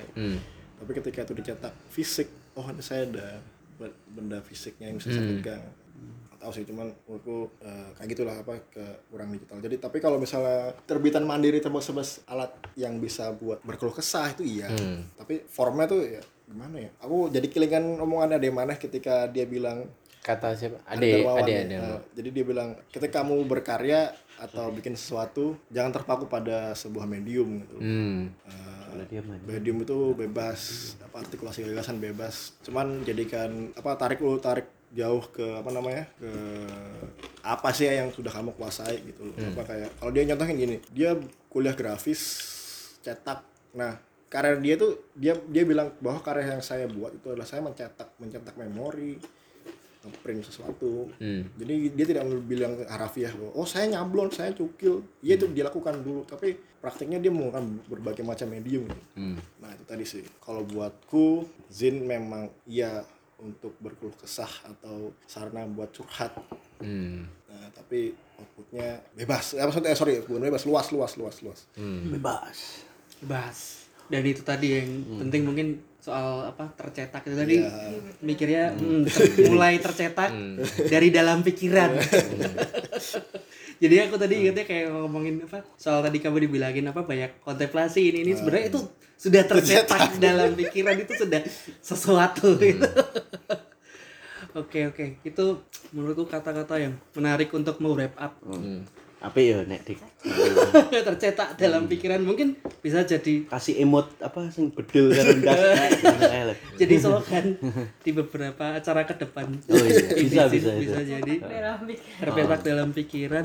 Terus itu tadi aku kayak aku bilang, bro udah ngerti, wes ono kata-kata deh. Wong iki apik wae. Apik kata wae, dia. iki apik. Tadi kayak aku bilang itu buat istilahnya membungkus segmen pertama. Mm-mm. Terus kita akan menuju ke segmen kedua. Kalau tadi eh, sempat dibicarain kita dari pertanyaan-pertanyaan tadi lebih pengen ngobrolin hal-hal yang berkaitan dengan eh, apa ruang dan waktu ya bareng teman-teman. Terus eh, di segmen kedua nih kita ada beberapa pertanyaan nih. Kalau istilahnya apa pertanyaan bonus gitu untuk dijawab dijawab oleh teman-teman dan sifatnya eh, lebih Mandiri. eh, lebih Kayak penerbitan. mandiri. Lebih individual gitu. Eh, Suah jawaban. Yoi, soal jawaban, soal jawab, Suah jawab, jawab. soal jawab. Sifatnya eh, yang kaitannya lebih ke mimpi eh, mimpi masing-masing individu eh, yang ada di Indisin. Ya kadang kenapa kemudian pertanyaan ini muncul dan ini ditanyakan ke semua inisiatif? Entah itu mungkin nah dia bentuknya kami sih belum menemukan yang individu ya. Jadi biasanya inisiatifnya kolektif terus kemudian pertanyaan soal masalah atau kemudian refleksi soal masalah itu biasanya kemudian dijawab bersama. Tapi ketika menjawab mimpi itu kita kadang terperangkap dalam mimpi masing-masing dan kadang akhirnya kemudian berjalan ini ya terpisah karena mimpi itu. Padahal awalnya menjawab per- kenapa kita kumpul cuma kalau ada masalah ya kemudian pada pertanyaan itu atau pertanyaan lain soal ya kemudian kenapa sih kita bergerak bersama gitu. Itu itu sebenarnya arah dari beberapa pertanyaan yang di sini. Selain kemudian juga eh, mencoba untuk ya menjawab bahwa kolektif itu ter- terdiri dari atau kumpulan inisiatif ini terdiri dari beberapa individu yang mungkin punya corak yang berbeda meskipun kemudian disatukan di satu wadah yang sama itu Bang Hilman mau mengajukan pertanyaan pertama? Yap, eh, urutannya bisa kalian tentukan nanti dengan Om Pimpah atau usia lagi atau mungkin ada ranking-ranking yang lain gitu di eh, pas seduluran ini. pas seduluran persaudaraan ini. mungkin bisa dimulai dari yang paling muda kalau tadi yang Oh. paling tua atau yang datang ke sini paling telat itu yang pertama gitu. Oh, boleh, boleh. Eh, tapi itu jadi hukuman Oh Iya. iya, jadi nggak boleh. Nah, nah, nah, nah, nah. yang paling muda siapa sih di antara kalian iya Oh, tetap gitu. sama aja Itu nggak hukuman karena dia lahir paling telat gitu. Enggak. Oh enggak.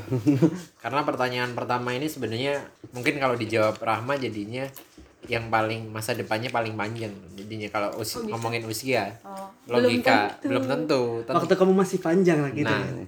ngomong-ngomong belum tentu jadi kita mungkin mulai ya dari pertanyaan pertama ini pertanyaan bonus ini dimulai dengan eh, pertanyaan apakah Rahma merasa punya masa depan gimana Ma? Iya tapi mungkin gimana ya? Aku, aku mungkin ngejawab dari individu kali ya. Iya tapi tinggal bagaimana kita melihat masa depan itu sih. Eh, kalau kamu melihatnya masa depan jangka panjang aku nggak tahu. Hmm. cuman kalau eh, satu bulan dua bulan satu tahun itu mungkin aku masih kebayang Hmm. uh, akan gimana akan melakukan apa gitu. Cuman kalau jangka yang lebih panjang aku nggak tahu ya. Aku nggak tahu. Hmm. mungkin yaudah uh, pengikutin alur aja atau gimana? Jadi eh, masa depan menurut Rahma nanti bisa dikomentarin ya. Jadinya dia bersifat yang durasional ya. Sesuatu yang masih bisa dilihat sementara ini jangka menengah tadi berapa bulan berapa ta- satu tahun itu itu Iya. ma- itu masih masa dianggap depan yang aku bayangkan Hmm, hmm, hmm. tapi selepas itu kemudian jadi sesuatu yang dibebaskan gitu jadinya yang yang nggak tahu yang Surprise. surprise ya bisa jadi yang iya bener datang Yang mak cegagi gitu iya ya. tuh Hmm. jika itu apa datang tiba-tiba Mak Iya. cegagi itu ya eh, mak betunduk. nggak ya, disangka nggak disangka sih. Tahu-tahu saknyet. sakdak saknyet gitu. Tahu-tahu datang gitu. Hmm. mungkin Doni Iya. bisa menyambung Apa ya kalau aku sih lebih karena pengalaman-pengalaman ya. Dulu aku putus cinta terus merasa sudah tidak punya masa depan aku minum baygon ah. Tapi nggak mati gitu loh. Maksudnya oh berarti aku harus hidup itu Hmm. terus habis itu aku dapat pengalaman spiritual ketika di Dieng gitu. Dapat mimpi-mimpi harus harus nyun sewu sama leluhur karena memang aku punya. Terus oh berarti sih rotok suwi gitu. Sih hmm. Hmm. jadi kamu merasa Mm. Mempunyai masa depan itu dalam refleksi atas pengalaman yang kamu iya sih kayak ya yang terjadi terjadilah aja sih hmm. oh ternyata masih ini oh ternyata enggak It is what it is.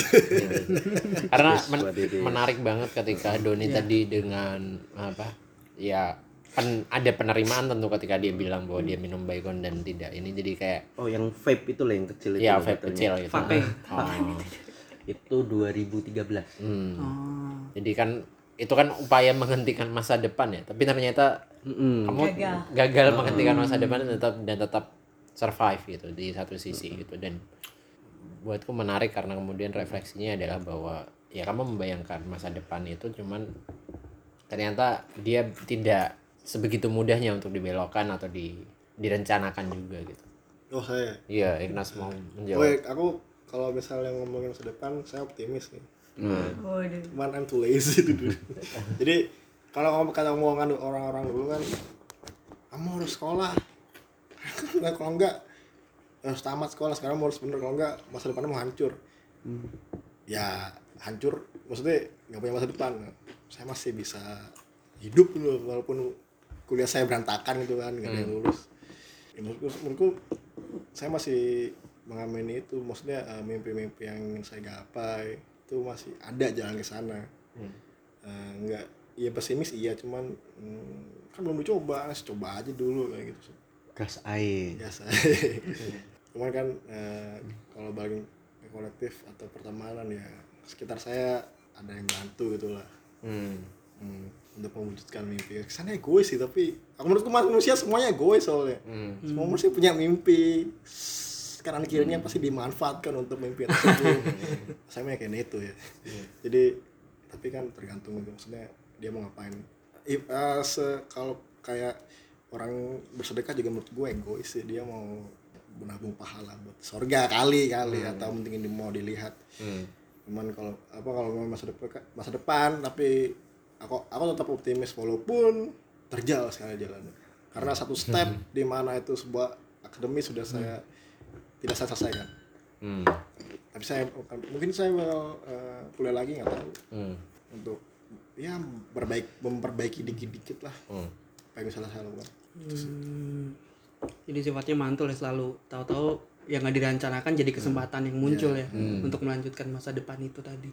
istilahnya kan rahasia bintang-bintang itu kan Rahasia bintang-bintang. kan Perbintangan. Hmm. Ngomong-ngomong rahasia bintang-bintang dan terakhir Doni yang menyebutkan pertanyaan berikutnya tuh rada terkait sama itu. Jika kamu membayangkan punya waktu untuk hidup di masa yang akan datang masa depan gitu intinya kamu punya waktu yang cukup untuk hidup apakah kamu pernah membayangkan hidup tapi tidak tinggal di bumi sejauh ini?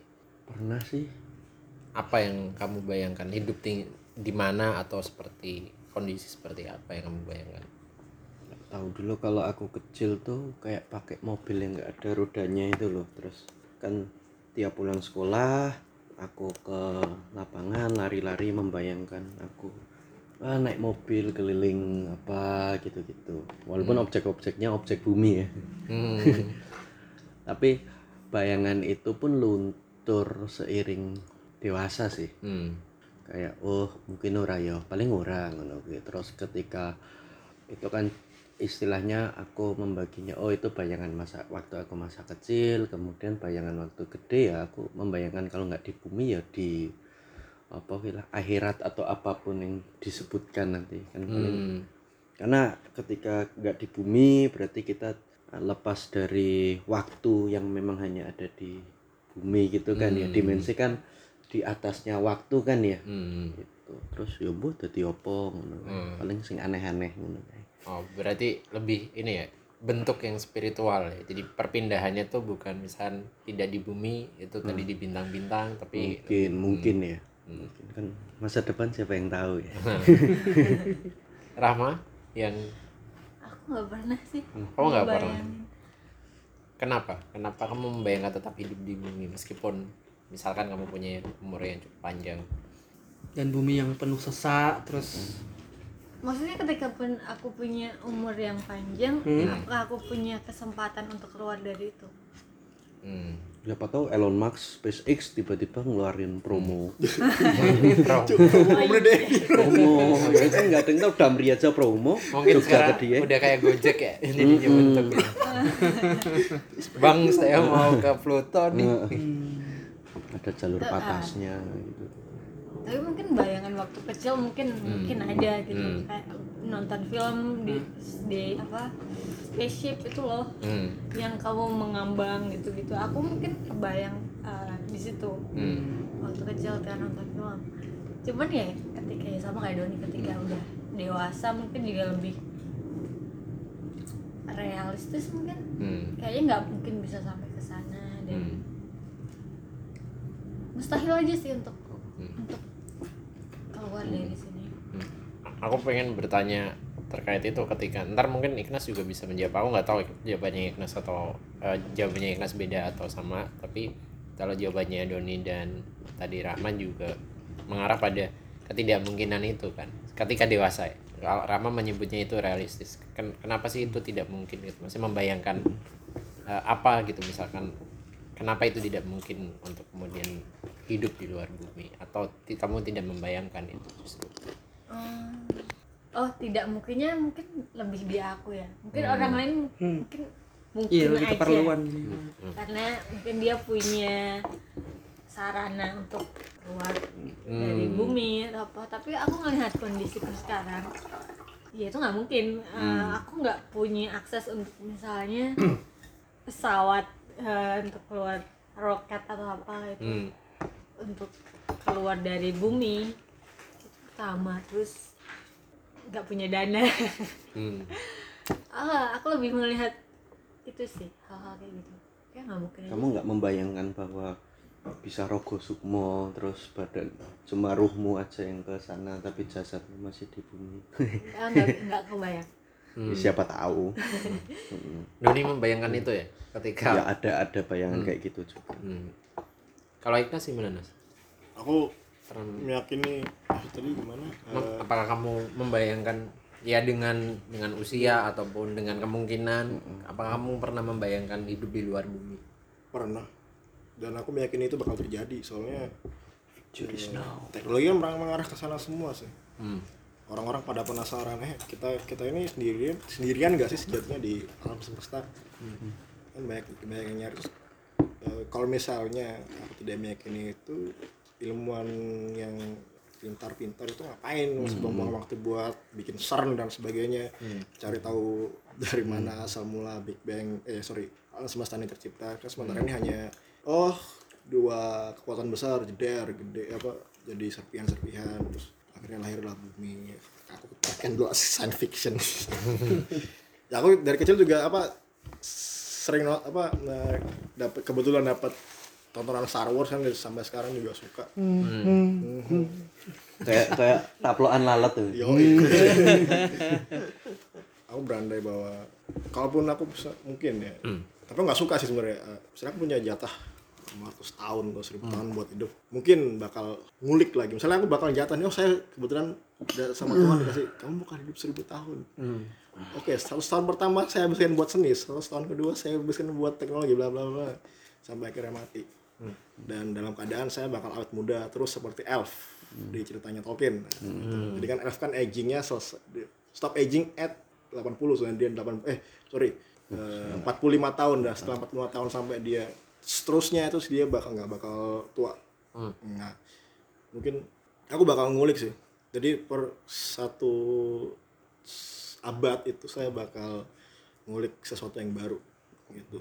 Dan apa ya kayak aku meyakini bahwa itu bakal terjadi. Maksudnya bukan umurnya panjang tapi tetap teknologi itu bakal ke sana. Hmm.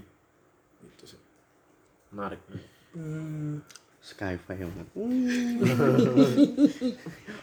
dan iya eh, tadi aku dari obrolan yang barusan juga kayak oh sambil ngintip. Ngintip pertanyaan Iya. pertanyaan berikutnya. Dari iya sih dari obrolan barusan kayak ngomongin kalau mungkin mungkin kalau bukan di bumi eh, konsep waktunya berbeda gitu ya dan kayak dari Ignas juga tadi bilang eh, soal eh, elf itu yang bisa stop aging di waktu tertentu dan ada kemungkinan juga. Berarti kan itu kan konsep umur sendiri usia yang ngomongin durasi waktu terus uh, mungkin eh, ukuran waktu sehari habisnya itu berapa lama gitu juga bisa beda-beda. Cuman yang kita miliki sekarang kan kita yang kita sepakati mungkin secara eh, global.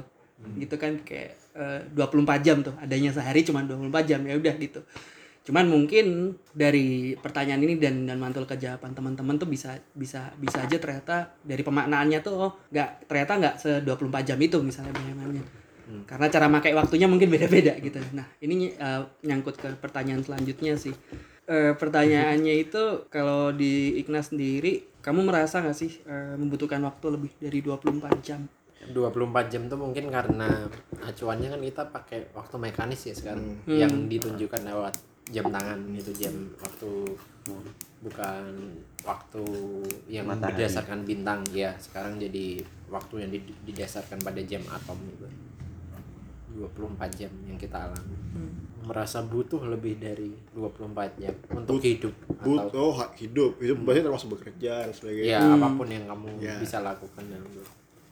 mungkin lebih ke kompromi sama sekitar sih. Kalau misalnya oke kita ada satu apa kesepakatan bahwa satu hari tuh habis eh, jatahnya cuma 24 jam tapi kayaknya enggak deh.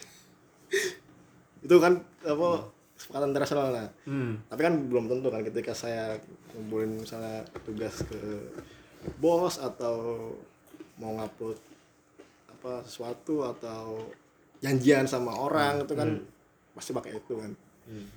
Nah kayaknya kayaknya sih mungkin cukup. Udah sudah cukup 24 jam. Soalnya kalau misalnya lebih itu mungkin udah bakal lebih ngaret lagi. Hmm. misalnya oke dapat 35 jam atau 40 40 jam. Mau jam berapa janjian? Sementara kita udah terbiasa dengan 24 jam. Itu itu sorry ini udah terbiasa dengan 24 jam terus tiba-tiba dirubah atau dari awal apa berandai-andai bahwa lebih apa 24 jam tuh nggak ada. Jadi kalau misalkan pengandaiannya adalah kita hidup sejauh ini 24 jam. Apakah kamu memikirkan di kehidupanmu jika itu memungkinkan kamu pengen hidup atau pengen menjalani kehidupan itu lebih dari 24 jam. Jadi kalau dari jawaban Ignas yang terakhir tadi kan Ignas juga bilang bahwa jangan-jangan kalau waktu itu bisa lebih dari 20 24 jam, penundaan itu juga Iya, akan tetap akan terjadi gitu. hmm, mungkin apa ya istilahnya normal baru Oh, normal baru. kita kita punya ja- jatah sehari itu 40 jam wah chaos pasti. Mungkin awalnya chaos cuman orang bakal terbiasa. Dan mungkin hari bakal lama ya. Oh kita matahari udah dua kali begini tapi kita masih hari Senin aja nih. Enak belum selesai nih kerjaan. Wah gimana dong? Hmm. saya sih mungkin sudah cukup belum 4 jam karena sudah terbiasa. Hmm. tapi ki- mungkin kalau orang yang punya kuasa atau bisa kompromi fleksibel dengan waktu Hmm. atau dengan eh, administrasi dan sebagainya Hmm. itu mungkin tidak jadi masalah buat dia karena Hmm. dia punya kuasa besok aja deh masih Hmm. panjang itu Doni mungkin? Nah aku sih bukan soal cukup nggak cukup ya, tapi lebih ke kompromi kali ya. Hmm. Karena dalam artian aku, satu aku nggak bisa ngatur waktu dan kesepakatan 24 ters- jam tersebut kayaknya membantu aku di banyak hal. Misal, oh ngobrol sama si A segini segala macam ya kayak intinya aku nggak bisa ngontrol waktu dan ada yang bantu ada yang ada yang bantu kemudian sak dunia raya sepakat 24 jam gitu kayaknya sangat meringkankan beban aja sih Hmm. itu jadi mau 40 jam atau 24 jam gitu kan asal asal bisa dikompromikan kayaknya atau didialogkan gitu Hmm. itu bukan jadi suatu perkara sih. Oke. karena kan ya aku nggak bisa oh pokoknya sehari harus 50 jam gitu. Nanti ketika aku punya ide untuk mengatur waktu kan berarti berikut kegiatan-kegiatan yang berkaitan dengan waktu kan. Ngapain tidur segala macam yang jelas aku tidak punya kompetensi kuasa untuk hal-hal yang sebesar itu gitu. Jadi oh ada yang sepakat sak dunia raya ya wis lah. Hmm. Nah, atau enggak enggak jadi tahu oh kalau nek tidur segini oh nek kerja segini oh Hmm. nek nek main sampai sebanyak ini berarti ada batasan itu Hmm. gitu sih Ya berdasarkan pola kebiasaan sendiri juga ya. Oh, oh. ya pasti akan berubah kalau mau 50 jam tentu jelas berubah Hmm. Kan a- akhirnya soal sepakat oh kita sepakat nih pokoknya hari sehari sak dunia raya ganti jadi 50 jam gitu Hmm. kan ya juga ya wes Hmm. toh ya itu membantu Hmm. kan kita janjian jam 2an gitu ya Hmm. kan akan beda toh Iya, ketika interpretasinya. kita tidak dalam dunia yang di 24 jam Ada sisi fleksibelnya juga. Hmm, atau jadi cuma 12 jam gitu jadi kalau kamu ngomong jam 2an gitu ya oh jam setengah dua udah pada susu gitu kan itu merasa ya Mm-mm. aku merasa butuh Kenapa kalau tuh? kondisi sekarang karena aku ngerasa eh, susah ngatur waktu memanage waktu.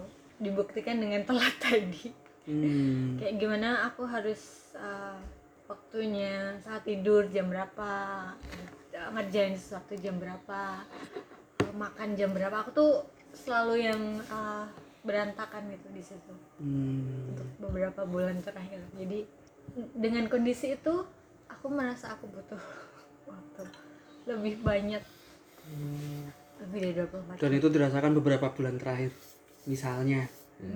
Hmm. Tapi Kalau yang paling ini, yang paling kemudian membuatmu merasa butuh waktu lebih dari 24 jam itu bagian apanya itu Hmm. yang paling membuat itu jadi cukup tidak bisa teratur Eh, atau nggak bisa bagian eh, mungkin karena aku eh, akhir-akhir ini kerjanya kerjanya tuh slow banget gitu Eh, slow tuh dalam artian eh, lambat Hmm, Ya, ditelateni bukan bukan dalam eh, bukan santai bukan eh, bukan konotasinya bukan yang Ditelateni. positif ya bukan Oh. itu tapi Hmm.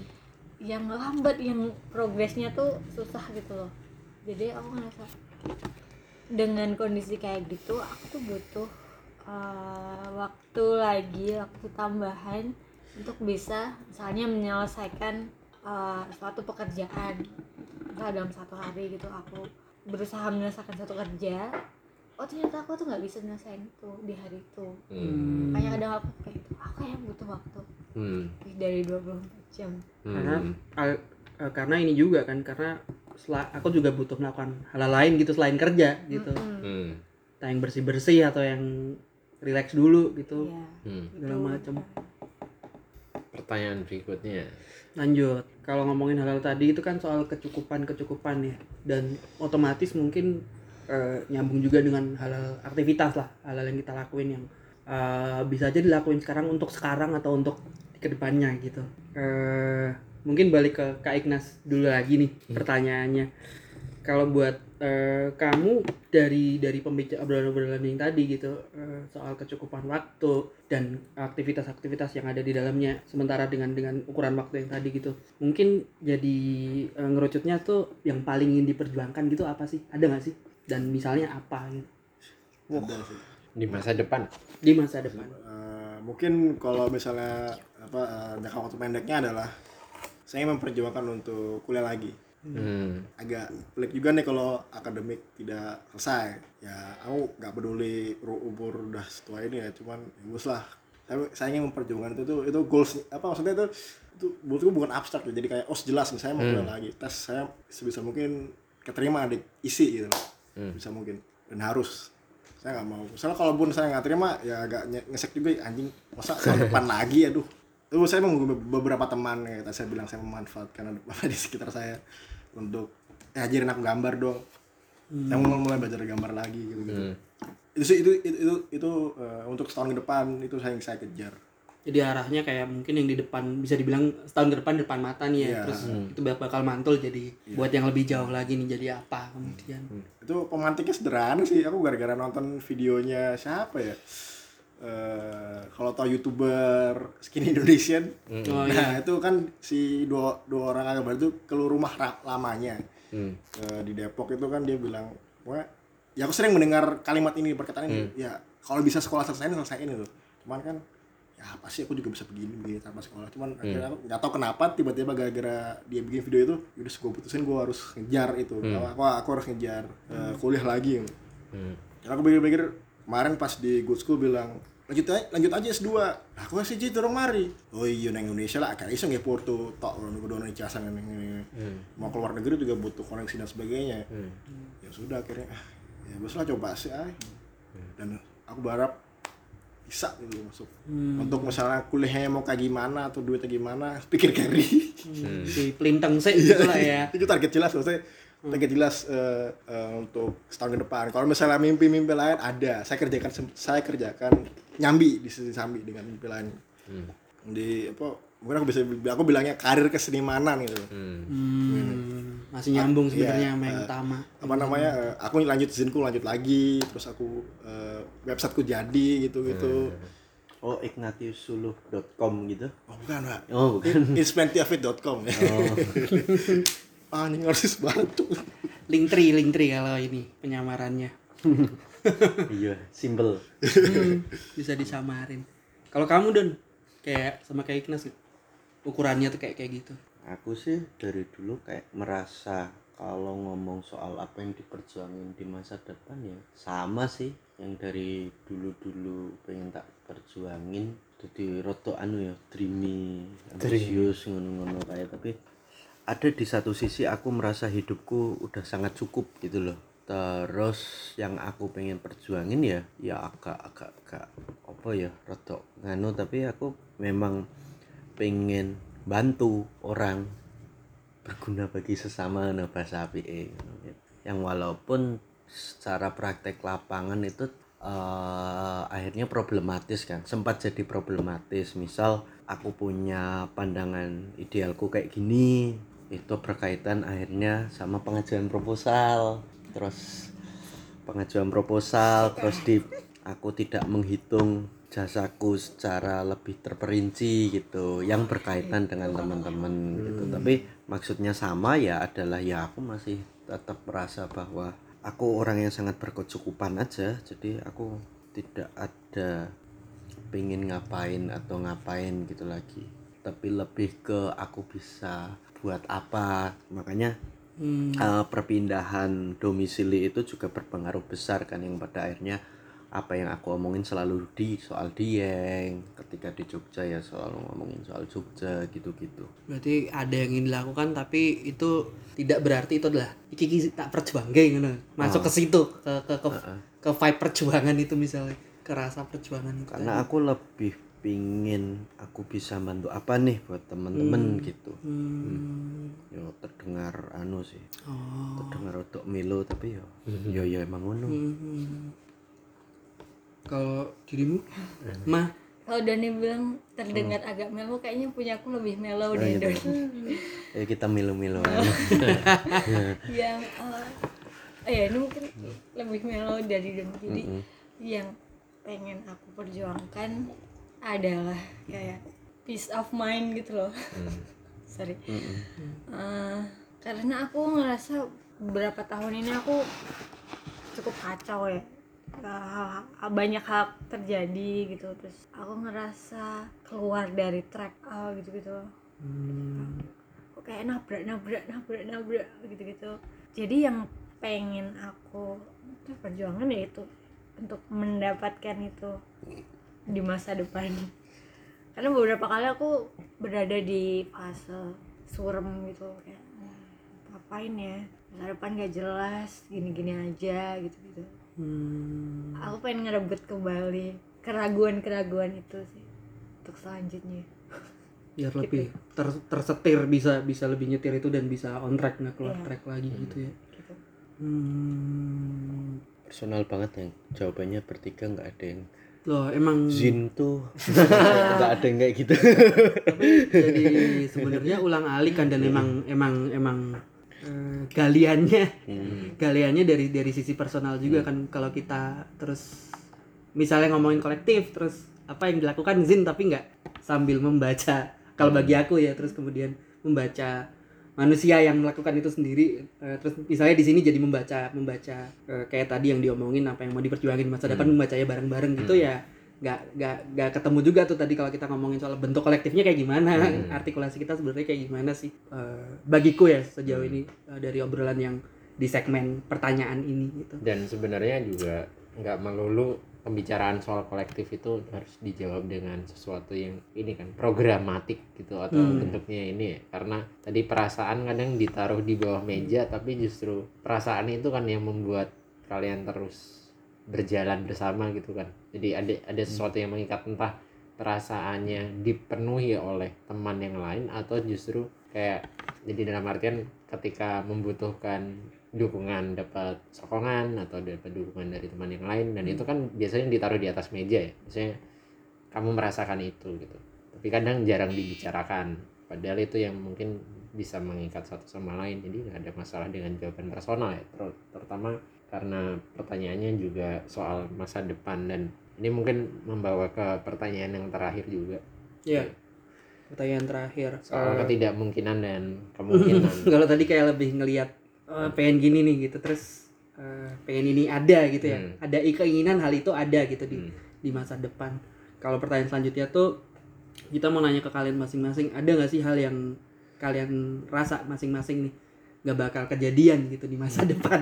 Jadi lebih melo lagi. Lebih melo sebenarnya. mungkin bisa dijawab dari iya jadi Rama, lebih melo. karena yang tadi terakhir melo aku. Iya terakhir melo yang enggak ada yang kamu Tidak rasa mungkin. kayak nggak mungkin ada nih di masa depan. Ada nggak yang kamu rasa kayak gitu? Bukan ada ada dalam artian ini ya tapi kemungkinan mungkin terjadi. nah, terjadi mungkin.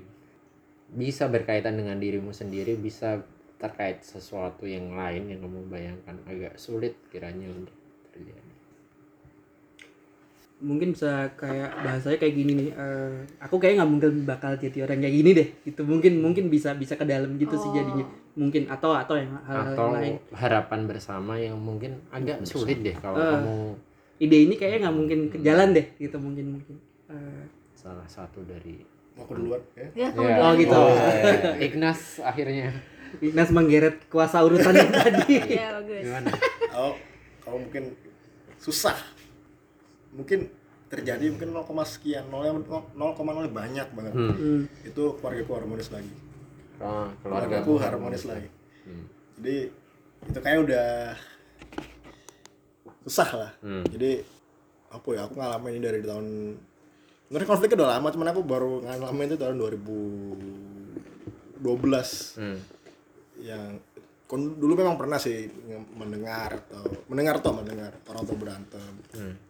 Cuma melihat secara langsung itu baru 2012 ketika aku udah lumayan bisa oh jancuk ini cuk keluarga aku cuk. Nah, nah itu pas tuh 2012 sampai sekarang ya aku kadang ya kadang masih kontekan sama mereka kadang kadang masih kontekan.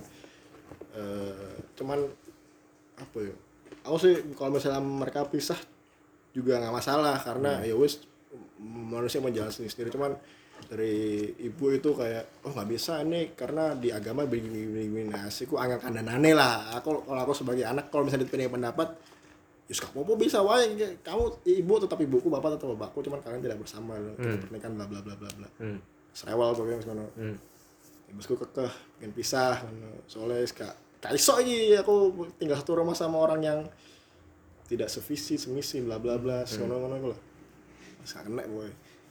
Ya udah udah udah pisah rumah udah pisah rumah udah pisah rumah cuman belum cerai secara apa legal formal. legal ya oh s- mungkin secara perkataan atau dan sebagainya su- itu sudah mungkin. Aku mungkin belum pernah dengar tapi saya rasa sudah. Jadi ya mungkin itu yang tidak bakal bisa terjadi Mas. Hmm. balik lagi kayak dulu. Karena lo wong wong hancur keluarganya ya mau kontol kontol. Tapi ya wis lah kamu main lo aduh ya wis lah ya sih ke aku tadi kepikirannya maksudnya ketika membaca itu juga misalnya secara kalau deskripsi global.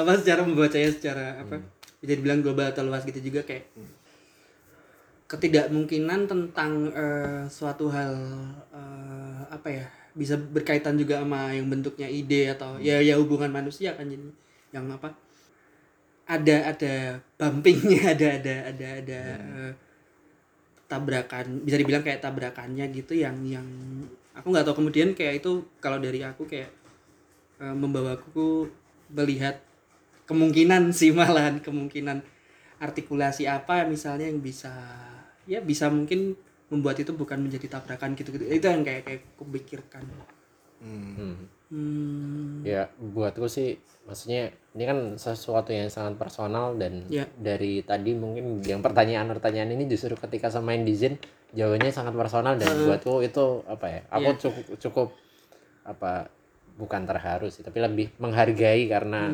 keterbukaan itu dan di satu sisi juga kayak yang dibilang Ignas kan itu juga terjadi di dalam hubungan relasi nggak harus ini ya relasi romantis ya dalam relasi banyak hal ketika keputusan itu ada di tangan orang lain kan. Jadi Ignas punya harapan tapi keputusannya bukan ada di dia dan dia tidak bisa memaksakan itu kan. Dalam bentuk kolektif atau apa pun aku rasa itu juga bisa dialami dan perasaan itu mungkin untuk sebagian ini ini ya apa uh, kelompok orang itu tidak selalu tidak selalu kayak dibicarakan bersama gitu kan. Dan di- dimengerti oleh uh, sesama anggota atau dita- diketahui lah minimal kalau tidak dimengerti itu dan buatku itu sangat ini sih sangat sesuatu yang patut untuk dihargai ketika bisa bercerita soal itu dan menarik karena uh, hal yang kemudian jadi sentral adalah keputusan orang lain yang melibatkan keinginan kita kan itu. Dan kita nggak bisa memaksakan keinginan terhadap keputusan orang lain dan itu kayak tarik ulur dalam sebuah relasi bersama yang kemudian apa merekatkan orang dalam satu kolektif gitu. Doni mungkin ada hal yang kemudian dipikirkan terkait yang mungkin yang paling da- tidak dalam mungkin dalam hal ini jadinya tidak mungkin terjadi di masa yang akan datang. Apa ya apa aku orangnya terlalu optimis ya sangat susah kita menjawab itu Berat- berarti bisa dilempar ke ke Rahma yang katanya tuh dia lebih pesimis ya. padahal oh iya padahal aku pesimis ya. Iya, tapi susah menjawab apa yang tidak Karena mungkin. aku ngebayanginnya tuh sesuatu itu mungkin tapi sesuatu itu selalu mungkin tapi bentuknya tuh selalu yang buruk gitu. Sesuatu selalu mungkin tapi bentuknya selalu buruk. Ah, jadi aku ketika ngebayangin sesuatu yang nggak mungkin Hmm. aku nggak tahu apa ya apa ya yang nggak mungkin kayak misal aku aku bilang mungkin aja aku ah, gagal Hmm. suatu saat nanti Hmm. mungkin aja aku nggak bisa nyampe umur Hmm. 35 40 gitu Hmm. tapi ketika di- ditanya apa yang nggak mungkin jadi susah Hmm. ngebayanginnya Hmm, apa ya sih Jadi mungkin Hmm. kalau disederhanakan jadi kalau dari apa yang dibilang Rahman tadi karena eh, mungkin itu jadi sesuatu yang jadi jadi ukuran orang yang melabeli diri dengan orang misalkan kategori pesimis misalkan. Karena kita memikirkan sesuatu yang mungkin terjadi tetapi itu buruk atau hal yang mungkin ya tidak baik lah untuk apa yang kita alami kita membayangkan kemungkinan terburuk. Dan itu tetap tetap akan selalu mungkin kan jadinya buatmu. Jadi karena kamu udah membayangkan bahwa kemungkinan terburuk itu bisa terjadi. Ketika kamu mem- ingin menjawab apa yang tidak mungkin jadinya agak sulit. Karena kemudian apa pun bisa apa pun mungkin bisa terjadi. mungkin terjadi. Jadi mungkin itu jadi salah satu mungkin refleksi soal ketidakmungkinan dan kemungkinan ini jadi bicara soal apa bedanya pesimis dan defeatis gitu. Defeatis tuh yang kemudian eh, lem- lemah atau kalah pada jadi udah membayangkan bahwa keputusan atau kemungkinannya tuh fix gitu tidak berubah. Jadi misalkan eh, kemungkinan buruknya itu seolah-olah tidak bisa berubah. Sedangkan pesimis kan memungkinkan itu berubah atau tidak terjadi tapi kita udah mengantisipasi bahwa hal hal terburuk itu bakal terjadi gitu. Jadi defeatis akhirnya menyerah ketika masa depan itu belum terjadi gitu. Jadi jadi aku melihat ada dua sisi itu di pembicaraan tadi soal bahwa Rahma melihat menempati posisi pesimis tadi karena kemudian di- dia jadi realis karena ya kemungkinan terburuk mungkin terjadi dan dia akan ter- terus terbuka menjadi kemungkinan terburuk yang mungkin bakal kejadian gitu. Jadi kita agak sulit kemudian memikirkan yang benar-benar nggak mungkin itu kan. Hmm. mungkin eh, kalau ditarik ke pengalaman yang personal ada sesuatu yang bisa dibayangkan kayaknya ini nggak mungkin gitu. Atau justru kamu nggak bisa mencoba. Yang nggak nggak ada yang nggak mungkin gitu jadinya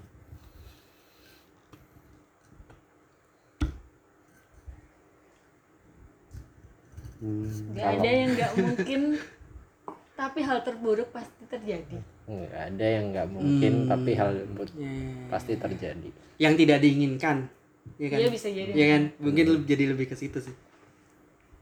Apakah tapi bisa jadi kamu menginginkan hal terburuk itu tidak. Berat. Kamu mengantisipasi hal terburuk itu dalam pikiran. Kalau kata Ignas berarti tercetak di dalam pikiranmu bahwa itu tuh itu ada gitu. Tapi ada, itu kamu nggak kamu nggak menginginkan itu kan? Cuma kamu mengantisipasi bahwa itu mungkin terjadi. Itu mungkin terjadi. Nah,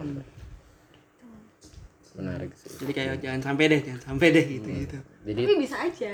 bisa Iya, aja eh, gitu. kan? dan itu itu kemudian yang jadi pesimis tadi gitu. sedangkan Hmm. Eh, defeatis itu sudah membayangkan bahwa kemungkinan buruk itu Hmm. pasti gitu. Jadi udah tidak mu tidak tidak tidak lagi jadi kemungkinan gitu. Hmm. itu pembicaraan yang agak kompleks tapi sebenarnya Iya, menarik emang. untuk ngomongin ini gitu. Dan itu bisa jadi sesuatu yang lebih lagi. Dan aku ada juga pertanyaan yang apa eh, tambahannya tambahan. Hmm, tambahannya tambahan yang kemudian kemudian mungkin bisa kita bicarakan nanti di kesempatan lain mungkin Doni bisa menjawab pertanyaan terakhir ini. Apa ya kan aku langsung tandang yang kan pasti kaitannya soal ekspektasi ya. Hmm. ketika kaitannya ekspektasi itu malah menjawabnya jadi memberi contoh misal hal yang ingin aku lakukan gitu. Misal aku pengen kekunci gitu.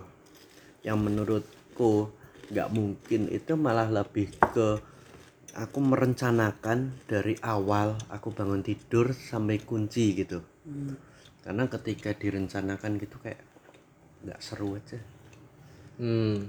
Mm-mm. Aku harus bangun jam sekian, terus sebelum berangkat ke kunci aku harus apa dulu nanti aku sampai ke sini ke sini terus nanti aku ngobrolin ini itu gitu. Hmm. Itu yang susah. Susah, mungkin mendekati nggak mungkin tapi aku lebih memilih untuk percaya pemilihan kata susah ya karena Hmm. aku pengen dikejutkan aja sih Hmm. oh nanti kon nah, misal oh nanti Hilman ngomong ya nanti di brief bentar gitu oh ya wis gas wae gitu nah gitu sih lebih ke hal-hal ya sehari-hari wae aku nggak mau aku ada sempat di fase berminggu-minggu aku survei aplikasi penjadwalan gitu. Hmm. tapi nggak berhasil.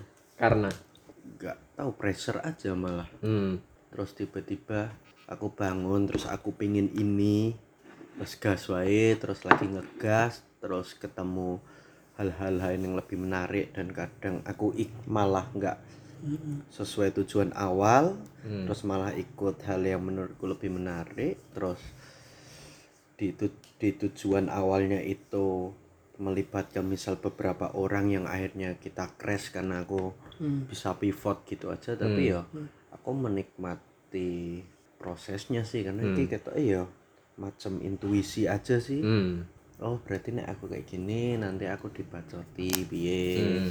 Terus oh berarti aku dibacoti karena aku dibacoti karena aku apa gitu ya gitu baik menarik sih itu soal yang terakhir. Menarik terus dari tadi. Nggak ada yang nggak menarik bang jawabannya buat buat tuh sampai menarik semuanya. Karena kemudian dia mem- memicu percakapan lebih jauh dalam artian kalau diterusin bakal panjang banget. Dan kalau yang tadi Doni bilang kita juga ngomongin soal waktu ya. Seorang temanku juga em, menginstal aplikasi ini meditasi dan dia merasa kenapa aplikasi meditasi ini membuatku berpikir bahwa aku harus mengefektifkan waktu untuk aku bisa kerja ya. Jadi kamu meditasi posisimu tenang tenang akhirnya kamu bisa kerja dengan tenang. Gitu. Jadinya kayak pada akhirnya dia terperangkap dalam logika produktivitas sedangkan Doni bilang tadi jadinya keluar dari logika itu karena dia memu- memungkinkan kemungkinan lain yang tidak terduga dan menjegal semua sesuatu yang direncanakan sedari awal dan tampaknya terlihat baik-baik saja tapi sebenarnya tidak memungkinkan kejutan kalau kata Doni tadi. dan aku sering kena masalah gara-gara itu Karena kejutan itu sendiri. oh, oh.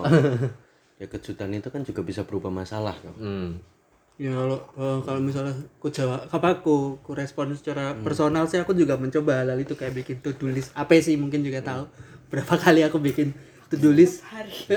bikin to do list yang bentuknya gini ah. Kalau enggak yang digital terus ya to do listku pernah tak gambar gitu kepala terus isinya isinya eh, cita apa hal-hal yang lagi tak lakuin tempat-tempatnya iki sing kunci iki sing ini yang mana ini yang di mana gitu terus tapi eh, aku merasa agak mirip dengan Doni mungkin eh, pas misalnya misalnya udah bangun gitu terus ngelihat auto tulisnya terus tapi mungkin aku nggak tahu apakah kata-kata ini tepat.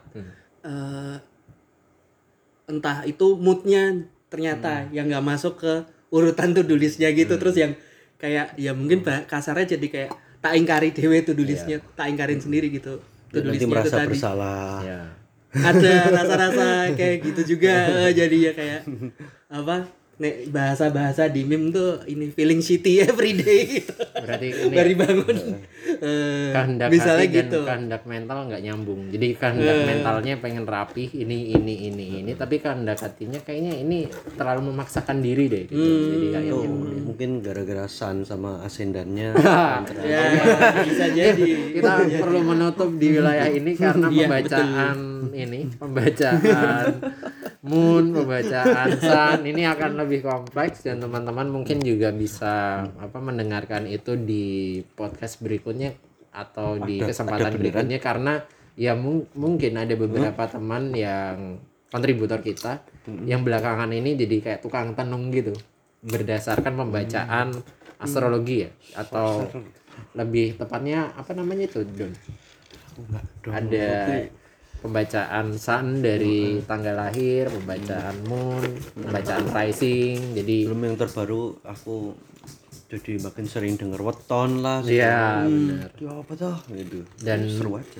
buat kami di kunci terakhir juga pembacaan itu ternyata membuka kemungkinan baru melihat sesuatu ya. Terakhir kami membaca buku eh, bukunya Kenji Suchiya tentang taman siswa tapi mencoba membaca tokoh-tokohnya lewat weton dan astrologinya gitu. Apakah mereka kayak gini karena astrologinya itu? Atau sebaliknya justru. Jadi itu sih mungkin dari itu sebagai pengantar dan penutup juga. Nanti mungkin Hilman ada tambahan.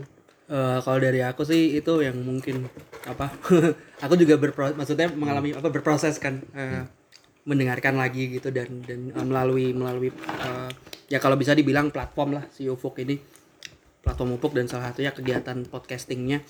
Dan iya sekali lagi gitu kayak eh, ternyata kalau mau ngomongin misalnya kalau yang tadi satu kata yang bisa kita eh, tarik gitu tarik paksa gitu. Jadi ya kolektif ngomongin kolektif gitu juga. Artinya tuh bisa bisa banyak kompleks dan macam-macam banget kalau diobrolin. Apalagi misalnya obrolan itu di istilahnya didistribusikan gitu ke individu yang ada di dalamnya gitu. Dan ya kayak yang dibilang apa beberapa kali menarik.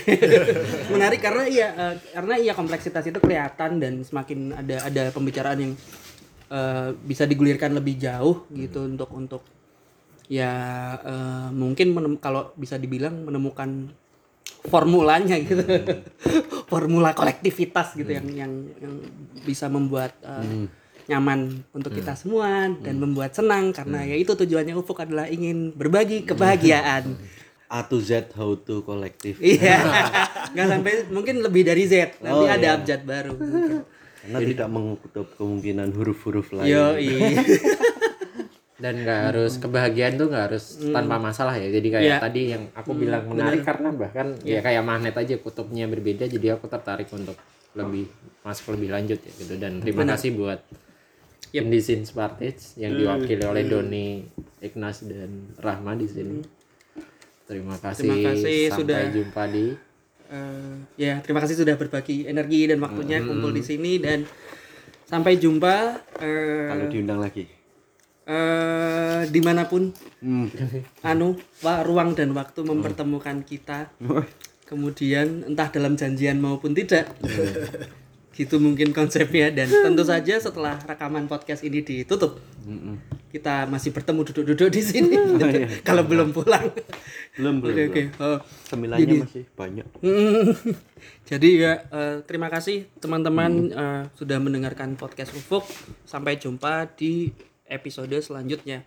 Dadah.